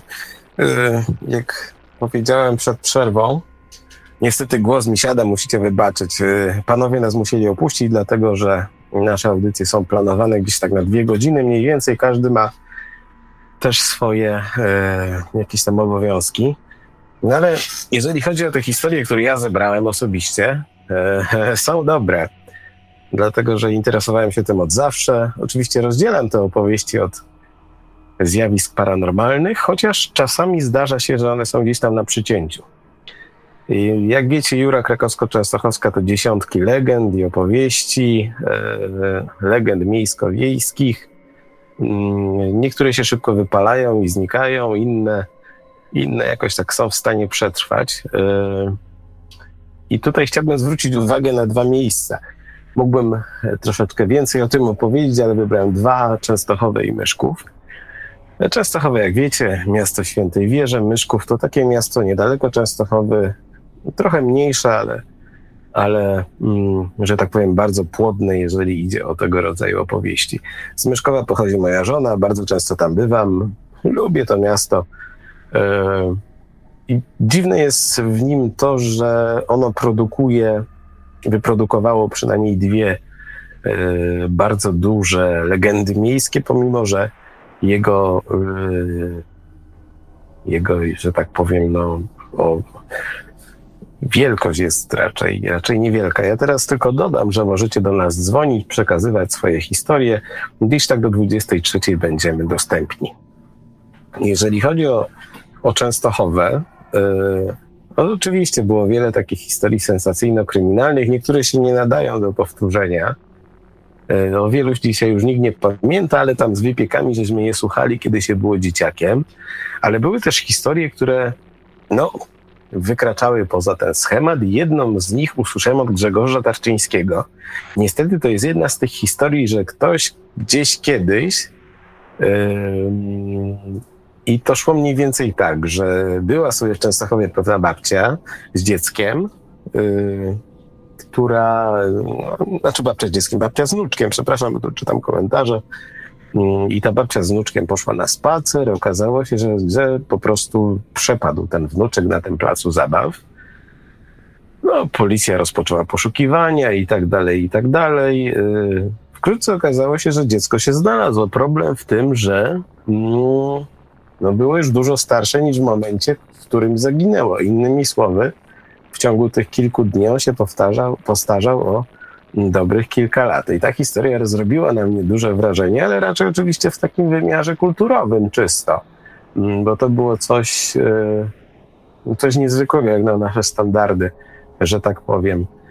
Mm, natomiast taka najstarsza częstochowska legenda miejska wiąże się z cmentarzem Świętego Rocha. Mm, I tam pod koniec XIX wieku pochowano pewną kobietę, i ta historia jej podobna jest do tej Zoi, o której wspominałem ze Związku Radzieckiego. Otóż mm, ona zmarła, no ale rzekomo miała e, mieć takie pragnienie, żeby zobaczyć mszę prymicyjną swojego syna, który był księdzem i wyszła z grobu i skamieniała. Mm, do tej pory można odnaleźć jej, jej nagrobek y, na wspomnianym cmentarzu i powiem wam, że on robi wrażenie, dlatego że jest to, jest to bardzo nietypowa rzeźba, y, bardzo upiorna nie dziwię się, że, że ta historia, że ta historia powstała. Niestety nie ma o tym wiele w internecie, ale pamiętam, że jest to jedna z najstarszych właśnie legend miejskich Częstochowy. Marku, ilu mamy słuchaczy? W tej chwili liczniki pokazują coś z 415 osób. No bardzo dobrze. Jeżeli chodzi o legendy miejskie Częstochowy, to oczywiście Góra Osona. Choć w tym przypadku ma ona, y, ma ta historia mocne ugruntowanie w faktach. Jak dobrze wiecie, jeżeli byliście słuchaczami, słuchaczami y, naszych audycji na temat fenomenu Góry Osona, no to tutaj nie da się mówić, że to jest że to jest legenda. Tam się coś dzieje. Natomiast y, doszło do takiego procesu, że y, ta historia stała się taką lokalną strefą UFO. I tutaj z takiego kronikarskiego obowiązku ją wyliczam.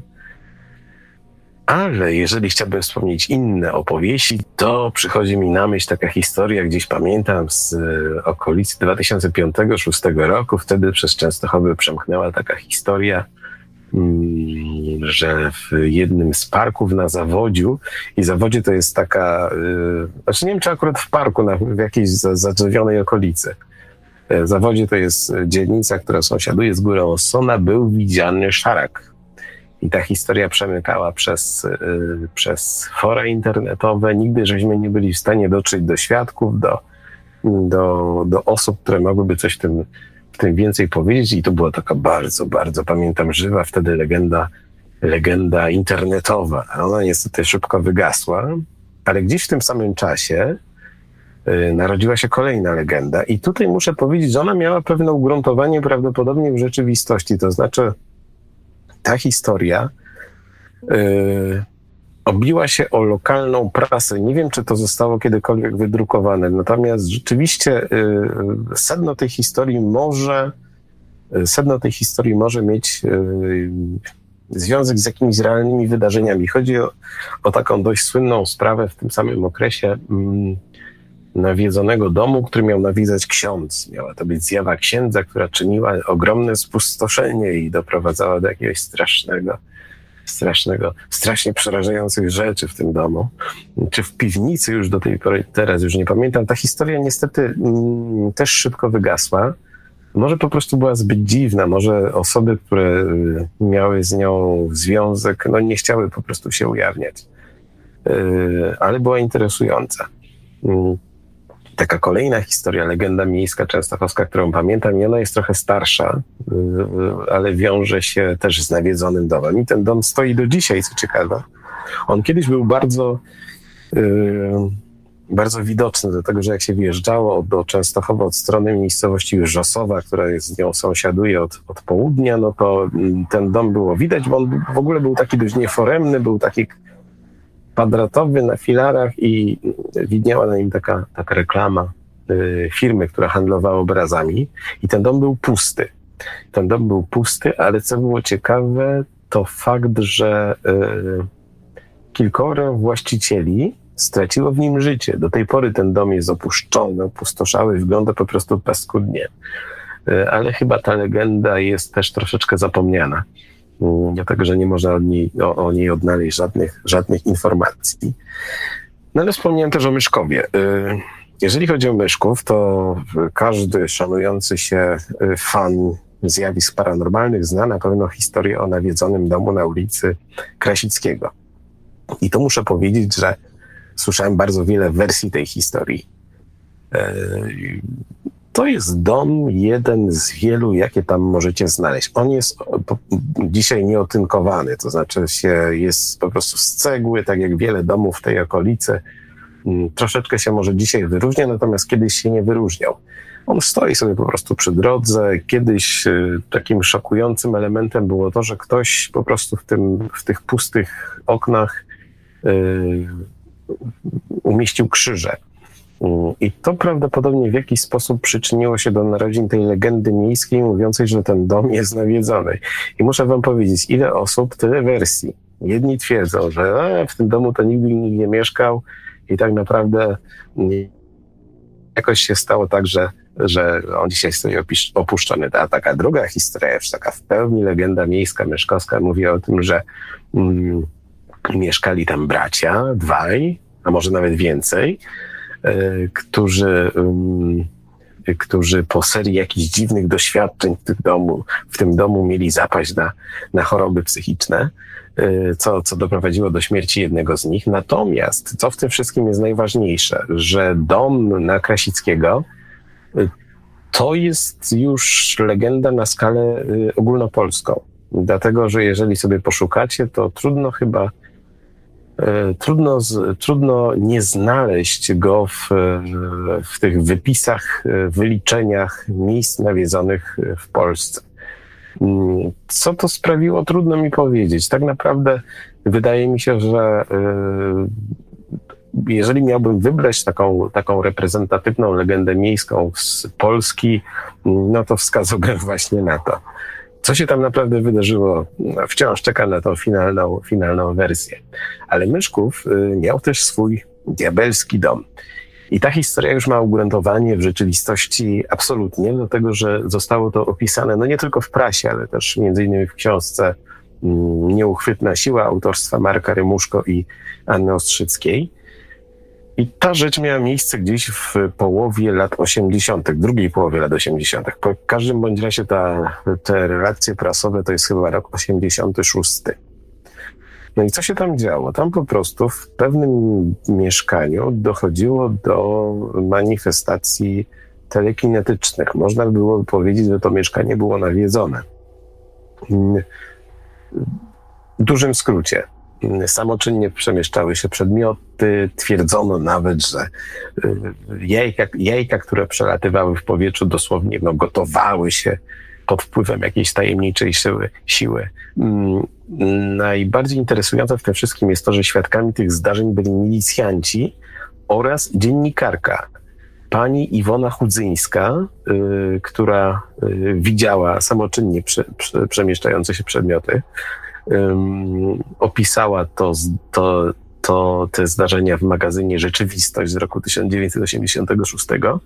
No i oczywiście, tak jak w przypadku wielu fenomenów telekinetycznych, no sugerowano, że to może być związane z, ze zdolnościami psi któregoś z domowników, tak? No tak było w przypadku słynnej Joasi Gajewskiej, y, której historia jest opisana w, w, we wspomnianej książce Nieuchwytna siła. I, I tutaj jest taka ciekawa sytuacja, bo jedni twierdzili, że nawet w przypadku, kiedy w tym domu państwa K, bo nie chcę podawać nazwisk, nikogo nie było, te fenomeny nadal zachodziły. Mm, pomimo to, kiedy ich przeniesiono do nowego, przeniesiono ich do nowego lokum y, zlokalizowanego w okolicach szkoły podstawowej numer, numer 3 i to jest, no już bym powiedział, takie ścisłe centrum Myszkowa, y, to te fenomeny ustały. I rozmawiałem z wieloma ludźmi, którzy twierdzili, że albo rozmawiali z ludźmi, którzy, którzy coś widzieli, albo sami coś widzieli, albo byli jakąś rodziną z państwem K mm, i, i że to wszystko miało miejsce naprawdę. Y, szczerze mówiąc, nie jestem pewien, jak ta historia się zakończyła. Czy było tak, że y, po prostu przeprowadzce do nowego miejsca naprawdę to był już koniec końców czy oni po prostu się bali już y, mówić o tym, żeby nie narażać się na dalszą, y, dalszy jakiś ostracyzm ze strony prasy, czy, czy sąsiadów, czy, czy nawet tych, którzy ich oskarżali o to, że chcą, y, chcą znaleźć jakiś sposób do, mm, do, do, do, do przeprowadzki. Także takie historie z tego Myszkowa są i pewnie jest ich więcej, ale na razie takie mi przychodzą do głowy. Mm, Marku, mamy kogoś na linii? Ktoś się dobijał? Macie jeszcze 10 minut. No niestety, jak na razie nasz telefon milczy. W przeciwieństwie do czata. No właśnie, na tym czacie się dużo dzieje i tutaj niestety nie mam czasu, żeby, żeby to wszystko czytać. Mm. Niektóre z tych opowieści są naprawdę ciekawe, ale chyba zostawimy je na inną okazję. No trudno, jeżeli nikt nie chce do nas zadzwonić, to może taka krótkie, krótkie podsumowanie dzisiejszej, dzisiejszej audycji, która się rozciągnęła strasznie. Yy, czy w tych historiach, yy, czy w tych legendach miejskich jest jakieś ziarno prawdy? Czasami tak. Yy, czasami tak, natomiast w wielu przypadkach jest jest taka sytuacja, że mm, trochę ubarwia się rzeczywistość, tworzy się, tworzy się nową jakość, tworzy się coś, aby ta nasza szarość codzienna była mm, nieco bardziej tajemnicza, nieco bardziej wciągająca i tak dalej, i tak dalej. Y, jak mówię, te historie w przypadku Polski są często zapominane, nie są utrwalane, w przeciwieństwie na przykład do folklorystyki y, amerykańskiej. A szkoda, bo warto warto, warto tę historię upamiętniać. Nie dlatego, żeby się nimi przejmować, żeby, żeby w nie wierzyć, tylko żeby ubarwiały tak jakoś naszą codzienność. No ale też z drugiej strony nie oznacza to, że tak jak w przypadku Myszkowa, przynajmniej tej historii o poltergeistie, coś nie jest na rzeczy. Warto się nad tym zastanowić. Pozdrawiam. I zapraszam na kolejny odcinek, ale nie powiemy o czym będzie, bo to już jest tajemnicą. To podamy do, do, do, do informacji gdzieś prawdopodobnie w przyszły weekend. No i to by było na tyle. Przed chwilą mówił do Państwa prowadzący dzisiejszą rozmowę w audycji Oblicza Niestanego Piotr Cielebia z Niestanego Świata. Byli z nami dzisiaj również nasi goście Marek Żelkowski, pisarz science fiction, publicysta, autor audycji Bibliotekarium 2.0, również współpracujący z Nieznanym Światem, e, badacz ufologii Arkadiusz Kocik z Warmińsko-Mazurskiej Grupy Ufologicznej, audycję jak zawsze o stronie technicznej obsługiwał Marek Sankiewelios, Radio Paranormalium, Paranormalny Głos w Twoim domu, Dziękujemy za uwagę, dobranoc i do usłyszenia ponownie, oczywiście już za tydzień. Za tydzień. Ja jeszcze mam taką prośbę do naszych słuchaczy, jeżeli macie jakieś y, propozycje audycji, jakieś pomysły, y, koncepcje, oczywiście jeżeli chodzi o oblicza nieznanego, to dawajcie znać. No i cóż, zapraszamy nie tylko za tydzień, ale też w piątek do najbliższego bibliotekarium. Pozdrowienia jeszcze raz i idziemy spać. To jeszcze do tych zaproszeń dołącza kolejne zaproszenie, tym razem na sobotę na godzinę 22 na kolejny odcinek audycji Mówią Świadkowie. E, odcinek taki niektórym może się wydawać lajtowy, bo będzie to kolejna paranormalna spowiedź e, w naszej audycji, ale to ten, ten lajtowy to tylko tak z pozoru, bowiem będzie, to będzie odcinek krótszy odrobinkę od, od tego, do czego Państwo się zdążyliście przyzwyczaić ale mm, gwarantuję Wam, że ta audycja również, tak jak wszystkie poprzednie odcinki, zostawi Was z całą masą pytań o prawdziwą naturę naszej rzeczywistości. A my już dzisiaj się z Państwem żegnamy, mówimy dobranoc, do usłyszenia ponownie w kolejnym odcinku Oblicz Niestanego już za tydzień. Bardziej niż nieprawdopodobne, niemożliwe, niewiarygodne. Radio Paranormalium. Paranormalny głos w Twoim domu. UFO Relacje. Polska baza relacji o obserwacjach UFO. www.uforelacje.pl Podziel się już dziś swoją obserwacją. Czekamy na relacje współczesne oraz z lat ubiegłych. Wszystkim świadkom zapewniamy pełną anonimowość. UFO Relacje. Polska baza relacji o obserwacjach UFO www.uforelacje.pl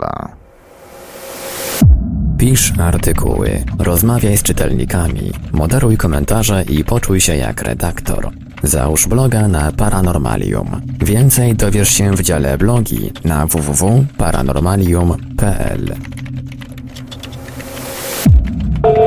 Rozmawiaj z prezenterami oraz z innymi słuchaczami na żywo. Wejdź na naszego czata na www.paranormalium.pl.